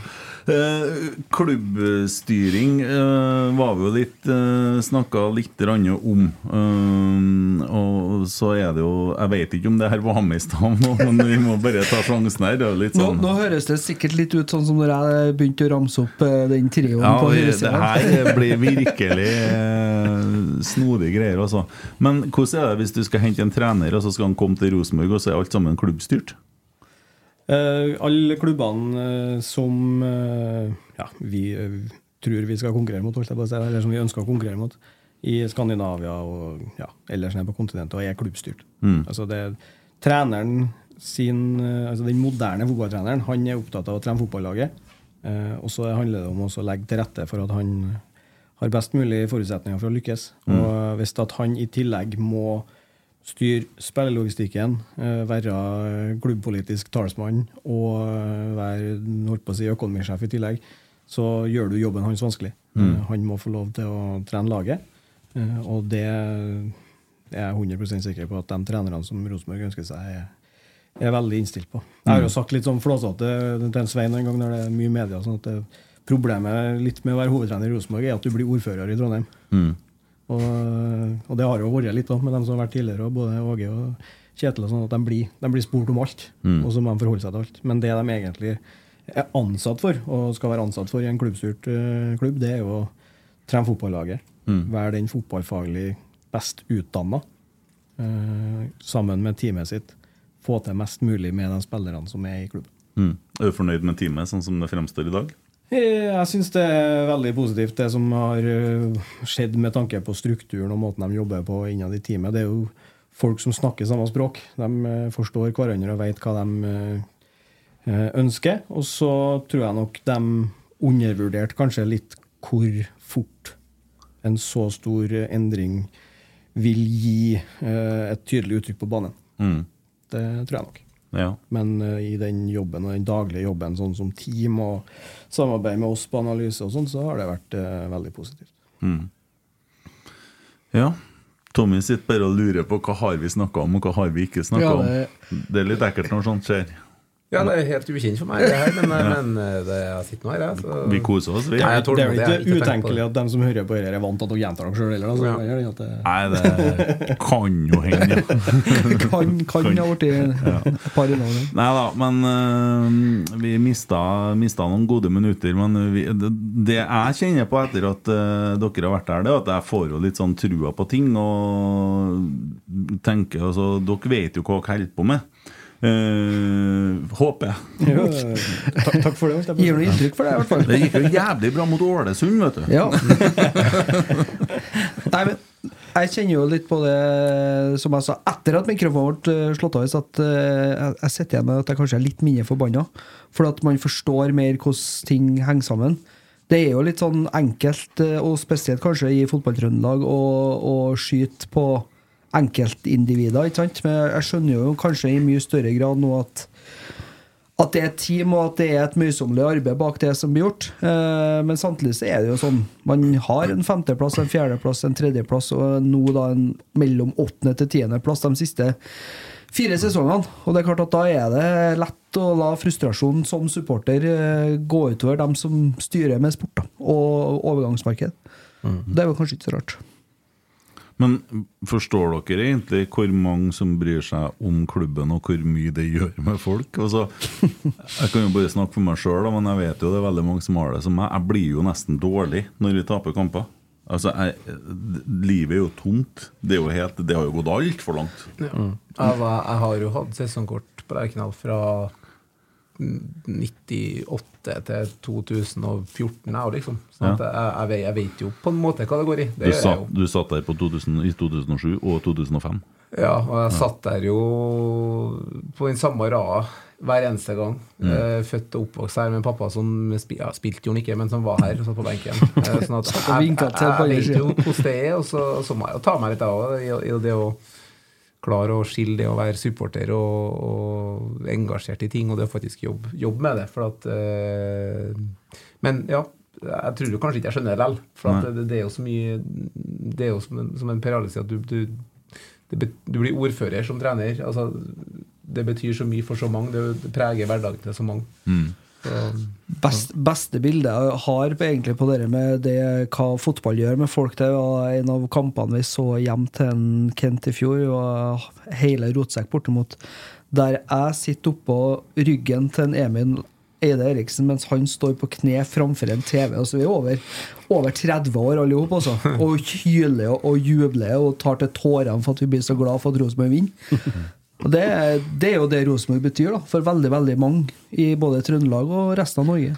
Ja, det er det. Også, jeg jeg syns jo at, det at, at vi må tåle å få den kritikken nå. Mm. Altså, sportslig ledelse, åpenbart, og, men også vi andre nå som jobber i klubben. Altså, den kritikken vi får, eh, og om den eh, oppleves eh, ja, urettferdig eller brutal, eller altså, at man kunne ha ordlagt seg annerledes og sånne ting, det er noe så, men den kritikken og det engasjementet er jo det som gjør at det er fullsatt på Lerkendal og full fest den dagen vi lykkes òg. Sånn at vi kan ikke på en måte grave oss ned og synes synd på oss sjøl når det er kritikk. fordi at det er den kritikken og den engasjementet som faktisk gjør at Rosenborg er noe spesielt, og Rosenborg er noe ekstra. Og vi er ja, har et potensial som ikke så veldig mange andre klubber har.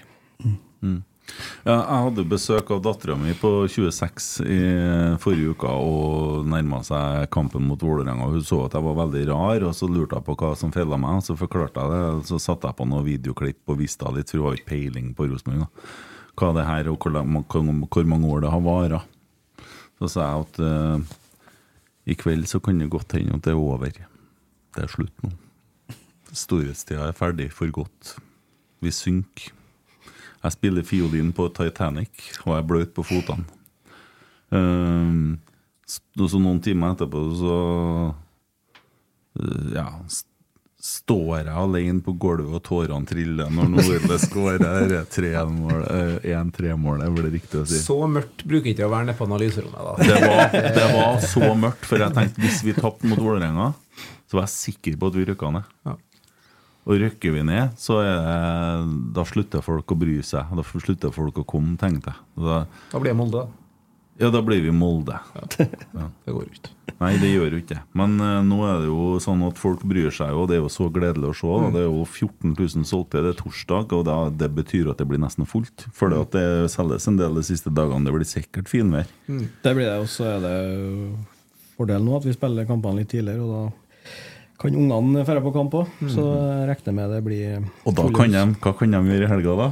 De kan synge den sangen din, ikke De kan danse. Det, det er sangen til trollet. Det er Ja, ja, ja, trollet, ja. trollet som er hovedperson. Ja, Det kom spørsmål om ikke jeg ville spille i helga. Nei, det er trollet sin sang. Men skal Emil spille bass, eller skal han spille kantspiller, da? Han er jo bassistkongen i uh, Rosenborg, vet du. Ja. Ja. Det er det du sa der. ja. Bassistkongen, ja. Må ha de rette Å ja, ok. Dæven, mye blir sint til meg nå. Ja, du, du tok en? Ja. Ja. Har jeg begynt å analysere den vitsen nå? Ja. Mm. Hvem tror du jeg får hit først? Ole eller Trond?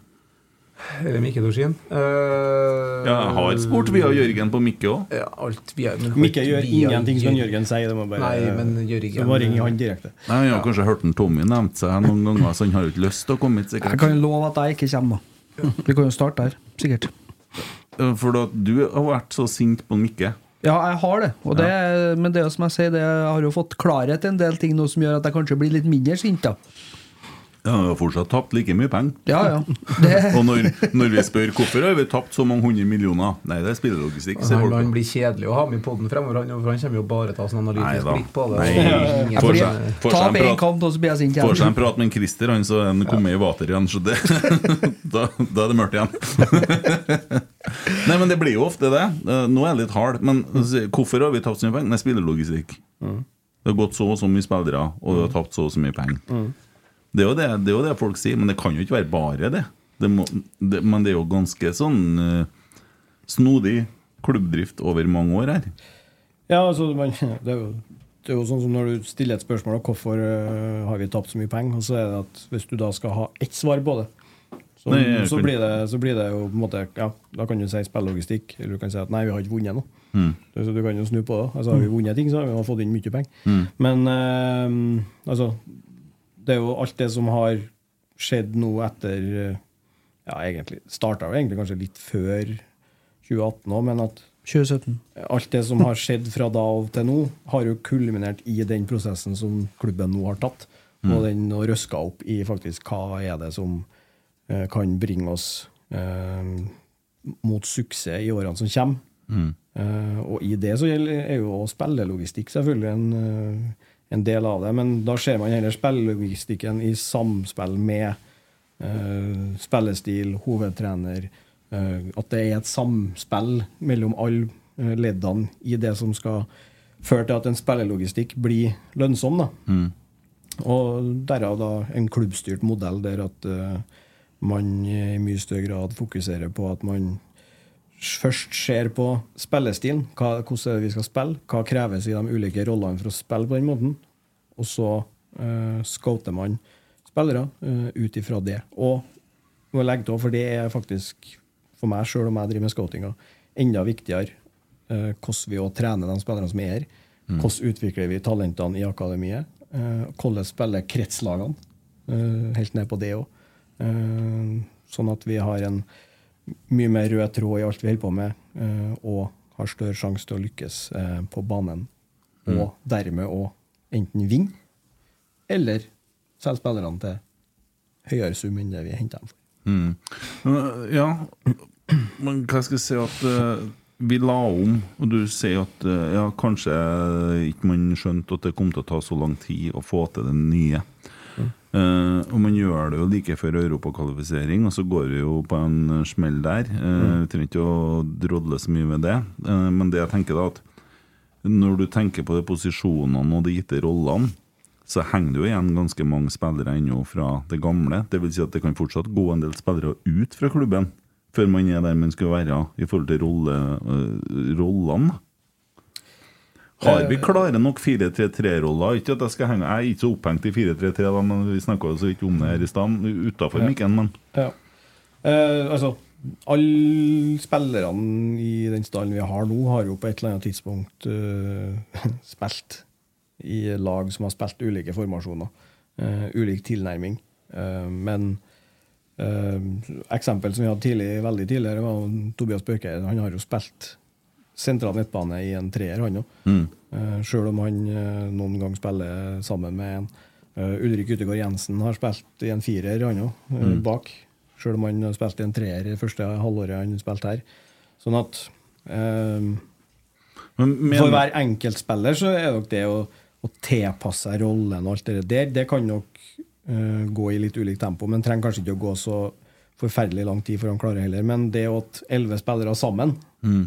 Skal utføre rollene sine til at man blir et sterkt kollektiv, det tar nok litt lengre tid. Mm. Jeg tror nok det er heller det enn at den og den ene spilleren skal Men har vi gode nok spillere til å bli nummer én i Norge?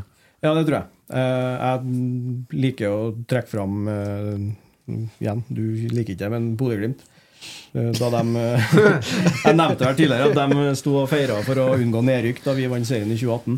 Ja. Og jeg tror ikke de da sto der og tenkte og snakka om på kammerset at nei, Brede Mo han er for dårlig. Eh, Sondre Brustad Fet, nei, han er ikke god nok. Eh, jeg tror de tenkte at får de tid, blir de utvikla, får de klare eh, roller å forholde seg til sammen med resten, så kan dette her bli noe veldig bra. Mm.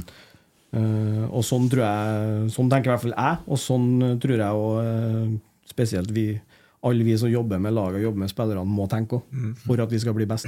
Og så må vi tillate oss eh, Eller vi må tillate at supporterne kan ha litt ulike meninger Mm. og være litt uenige i ting og alt det der. Det er jo bare sunt. Men innad så må vi selvfølgelig tro at spillerne vi har, er gode nok til å kan bli best i Norge. Mm. Selvfølgelig må vi tro det. Hvis ikke så blir man jo aldri best. Vi står jo i litt lik situasjon nå som vi gjorde i, fra 2011, når Janne Jønsson kom inn, og egentlig fram til 2014, når han, mm. Kåre tok over.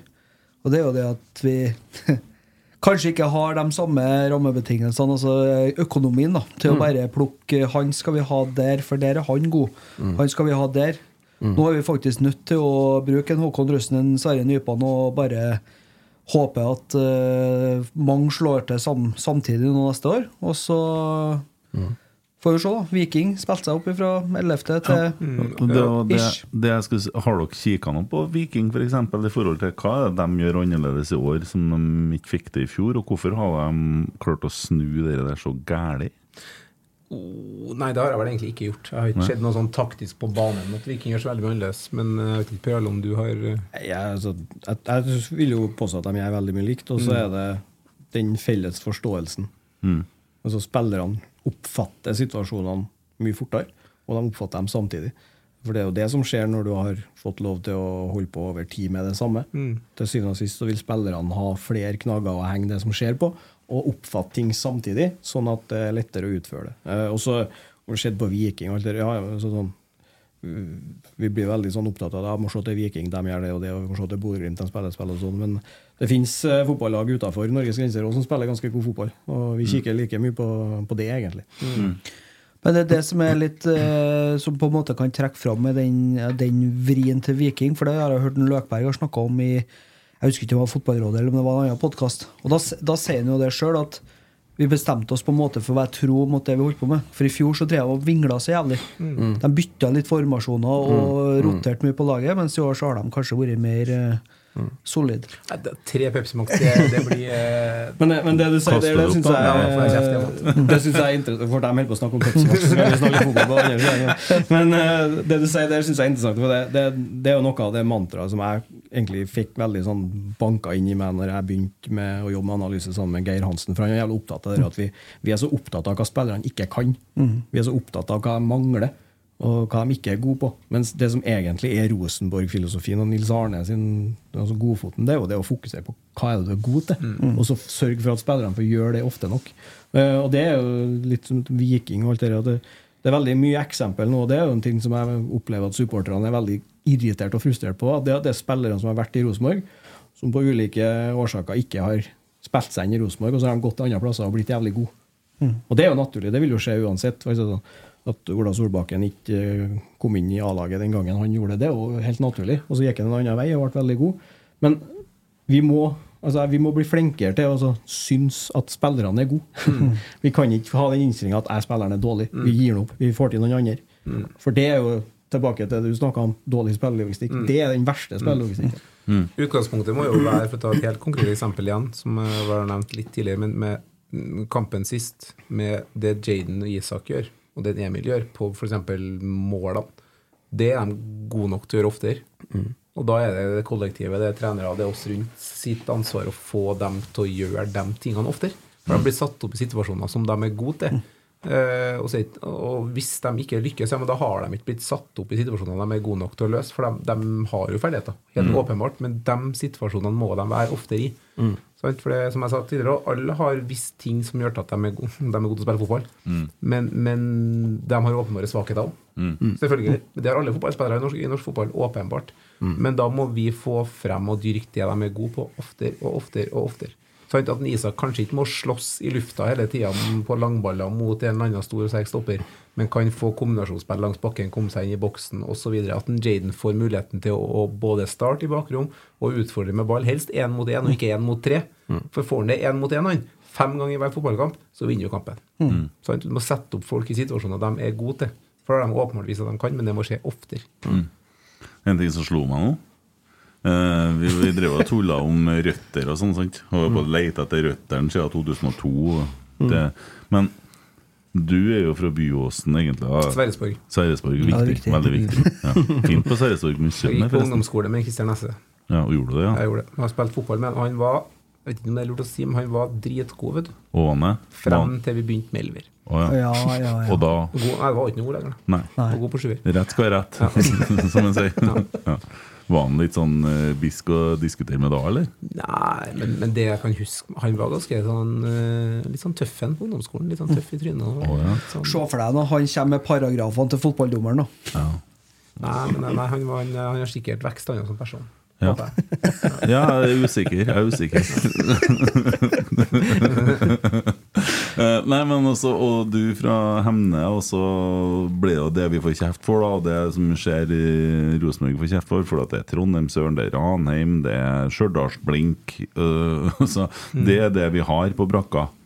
Ja, der er røttene.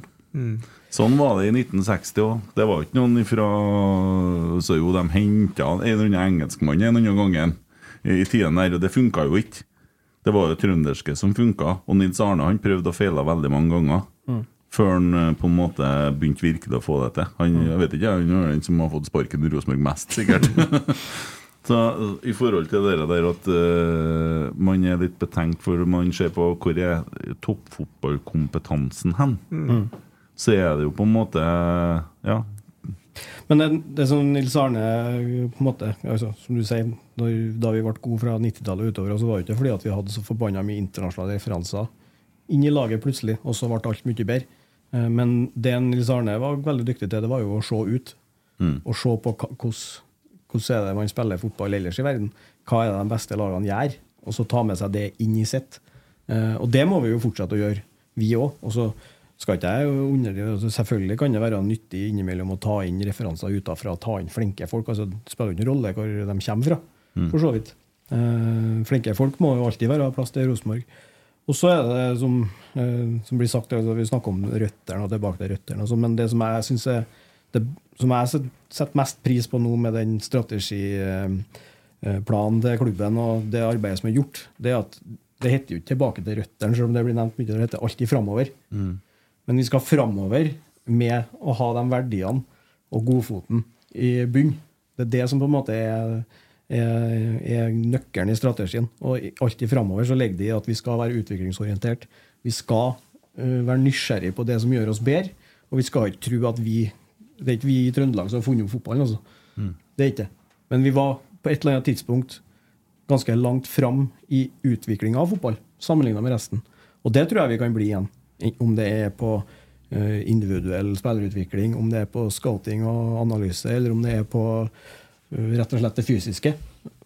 Så må vi hele tida jakte etter det som vi kan bli ja, litt bedre enn andre på. Og det eh, må være det som er drivkrafta i det vi holder på med. Mm. I hvert fall best i innsiden. 15 millioner episoder Nei, visninger. Ja, Der er vi best. soler seg i glansen nedpå her, det guttene her, Altså. Ja, det Stenseth får bare finere og finere dress for hver dag som går nå. Jo, altså, men de soler seg nå ikke, de sitter nå bak de gardinene. det- Du ser dem nå aldri annet enn De er jo ikke på jobb. Nå sitter Stenseth og holder pusten og er spent på hva Selnes skal finne på å si i podkasten. Det er 100 sikkert. Ja. Rosenborg dementerer, eller hva det heter. ja, ja. Det, jeg sendte melding til en Jørgen Stenseth i dag, jeg. Ehm, der eh, skrev jeg klokka 12.28 Har du fem minutter? Sjøl om jeg Det var ikke noe svar å få der, ser jeg. Nei, tror du jeg fikk eh, Tror du han ringte meg, eller? Svaret er ja, han har jo fem minutter. Ja, han, har mer. Han hadde, hadde vel fem minutter, tenker Ja, ja, jeg. ja, det er sikkert. Jeg syns det er viktig at Stenseth får hvile seg litt mellom kampene. For Du snakka om det i stad, Mm. at når det er fotballkamp, så er det svart og hvitt. og følelsene er... Men er det en som har følelsene utenpå kroppen når det er fotballkamp, så er det Jørgen Stenseth. Har da vel sett han inn i noe kamera Fordi når vi går ned i pausen fra analysebua i femte etasjen, Mm. ned i spillertunnelen, og så blir man ofte stående litt sånn i spillertunnelen, for det er jo overtid og et par Mm. minutter igjen ofte. Og Da går Jørgen Stenseth hvileløs fram og tilbake i den spillertunnelen der og hoffer seg og bannes. Og det gjør han om vi leder 5-0, eller om vi legger under 2-0, eller om det er 0-0. Det er Mm. den samme nervøsiteten uansett. Tenker tall på innsiden han, vet du. Jørgen Stenseth sto i sommer på Skoglund han, og jubla fordi Hvilket lag var det? Det var at vi, at vi ikke fikk AGF. At vi, han jubla for at et annet lag trakk AGF Ja. i kvalik. For det hadde han, det hadde han uten noe som helst egentlig bakgrunnsanalyse funnet ut at dem kan ikke vi møte. De, dem slår ikke Så når de tok av som lag én mot et annet lag, da, da sto han og brøla på Skoglund. Ja, ja. Det er uproft, men eh, artig. Ja, han er snill, han Jørgen. Han er, jo, han er fin. Vi er litt ekle med Jørgen, men han er, er en bra mann. Han gjør ikke så mye om dagene, man er veldig snill. Nei, men trekker sikkert tråder i det skjulte som ikke vi ser. Ja, Det er det. vi vet jo Don, at han, han er den nye Trond Alstad, kaller vi ham bare. Mm. Det er det som er Ja, kanskje det. ja, eh, Molde på søndag. Mm. Analysene er klar. Analysene er klar. Der er det gode muligheter, tror jeg. Mm. Det er et lag som um, bør passe oss bra, og et lag som er Altså Det er et høyt toppnivå, men det flyter ikke. da Det flyter ikke så voldsomt for dem heller. Eh, så tenker jeg at hvis vi går ut på banen der og angriper skikkelig, så um, det blir det jo litt mye folk der òg, tenker jeg. Og det blir skummelt der midtbær. Så, Mm. så nei, der, der eh, håper jeg og tror at vi har veldig gode muligheter. Jeg vet at du vinner den kampen. Mm. Jeg tror den kampen er enklere enn mot Vålerenga å vinne. Tenningsnivået på spillerne var kanskje litt skummelt. Han bror din passer Ja. for kortene. Ja, nei, men han, vi, vi sparer han, tror jeg. Vi holder han hjem til morsan eller noe sånt. Ja, det er kanskje like greit. Ja. Ja, men altså, også, Ikke kjeft på seg gulkort.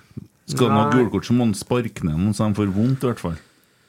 Ja, nei, det har jo vært sånn i eh, 12-15 år, da. Så det er vanskelig å plukke av en det, tror jeg. Jeg så, så et av de beste gulkortene jeg har sett på YouTube. i dag. Det var en som bare sprang etter en, og så skjønte han at jeg, jeg, jeg har ikke sjans til å nå igjen en. Så han tok rett og slett bare en god gammeldags kleppatakken og kasta den ned i bakkene. Ja, d- da, da, da har du gjort det ordentlig. Da har du i hvert fall bedt om det gulkortet. Ja, noen ganger så må du bare Ja. Da har du en fin situasjon med Ole, broren din, etter eh, straffen eh, mot Vålerenga, der han jubler mot dommeren Ja. når han Ja. sa redde. Det var faktisk det var en VG-journalist som sendte meg en melding om jeg kunne sende en video av det fra analysekamera, men da tenkte jeg det, fy faen, det begynner ikke vi med. Altså, det er ikke noe- vi jobber med analyser, vi jobber ikke med noe forbanna medie... For det der var ikke straffe. Nei, nei, nei, nei, det var det ikke. Det der, og der er Hva mener du om VAR, forresten?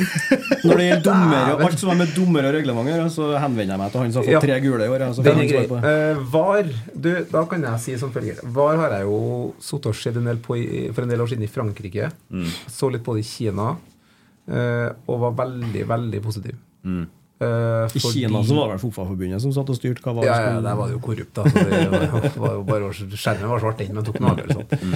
Nei, men, men, eh, men da funka det veldig bra.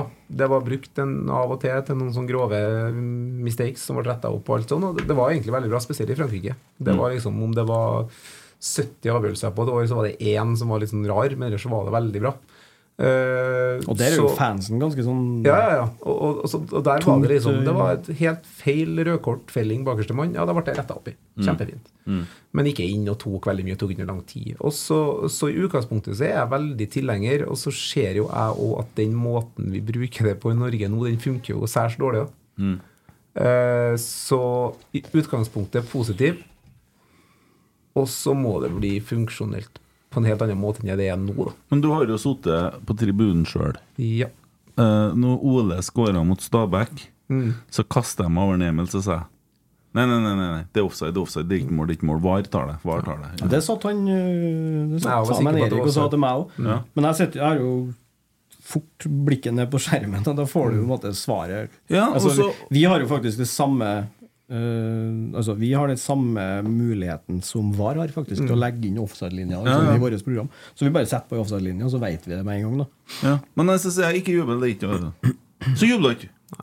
Og så ble det mål, og så sånn Å ja, det ble mål! Ja, å, bra. Nei, men Det blir jo den der tvisten mellom rettferdighet, tapte penger på viktige avgjørelser og den biten Den, den, den klubbaspektet med det opp imot det åpenbare supporteraspektet. Opp imot det åpenbare supporteraspektet. Og jeg Derfor jeg mener at det må gå mye smoothere enn det gjør nå. For det må i hvert fall gå an å nærme seg Jo, men på et vis. hvis vi er heldige og kommer oss til Europa igjen om ett år, to år, tre år, fire år, Mm. så skal vi møte Manchester City. Mm. Det er jo ikke noe som er rettferdig med det. Nei, det kan du si. Men, men konklusjonen for min del blir at hvis vi skal ha VAR sånn som det er i Norge akkurat nå og Nå uttaler jeg meg ikke på vegne av klubben, for jeg aner ikke hvordan klubben stiller seg til VAR. eh, men hvis vi skal ha VAR blåkopi fra VAR 2023 neste år, så er jeg ikke tilhenger av det. Det er jeg ikke. Men, men jeg jeg skjønner utgangspunktet og hvorfor man vil ha det inn, for det er så mye penger som står på spill, og det er så mye avgjørelser som ikke blir riktig. Men hvorfor, hvorfor evner ikke VAR i Norge å gå inn og ta den straffesituasjonen? Men, øh, altså, det, det er jo ikke straffe. Han Ole feller jo ikke den spilleren, men det ser du jo på reprisen på TV. Den, er, det er ikke, den er clear and obvious. Er altså, den- er ikke grov nok, den feilen. Og da får du et problem. Og så får du. Hansen etterpå, som er straffe. Ja, men handsregelen den- det, Det er ingen som kan. Nei, vi skal ikke begynne med handsregelen. Vi skal ikke gå så langt med VAR. Eller dere skal få feire hjem. Eh, men vi slår Molde, og vi har konkludert med Har du trykt på play nå, eller? ja, ja, Play har vært på ja, minnekortet. Ja, vi har prøvd det en episode. Ja. Ja. Ja. Hvis vi må komme tilbake i morgen og spille inn en- Jeg huske på Ja, to og en halv time. Så, ja, men det er jo koselig, da. ja, ja, Hæ? Så lenge du sier mer sånn Farris, du. Så skal få den her. Ja, han har tatt din. Vær så god. Nei, men vi, vi, nærmer, oss, eh, vi nærmer oss her nå. Så eh, beklager at vi uh, mista minnekortet. Men jeg tror vi fikk, vi fikk jo fulgt opp på halvtime nå, så da er vi på en altfor lang episode igjen. Ja, det er fint, det. Ja. Kjempemessig. Det var veldig Så, hyggelig. jeg gleder meg som en unge til søndagen. Ja. Mm. Kim Ruud i bua. Mm. Eh, Så for dere stakkarer som ikke får billetter, for vi satser på utsolgt, så er det bare å tune inn på Nidaros. Så får dere, det får jo sikkert du høre òg. Mest sannsynlig høre en Kim Ruud med et eh, godt gammeldags eh, målbrøl. Ja, prøv å ikke snakke, da, så jeg får klipp til jingle. Jeg skal prøve å ikke juble når Rosenborg. Mm. Skal, Riktig. vi skal avslutte med sånn uh, Rosenborg skåringsjingle her nå, så, den, uh, så dere får høre hvordan det fungerer med en Kim Ruud og sånne ting. Uh, så da er det bare å glede seg til um, Søndag. søndagen. Og Trolle som skal danse. Trolledansen. Det blir herlig. Tusen hjertelig takk for at dere tok dere denne lange tida. Det var bare Takk for at vi fikk komme. Vinner Rosenborg tilbake ball på hjørnet av 16-meteren. Nypott på 15 meter. Hva gjør du? Du spiller tilbake. Det Bjørn noe der!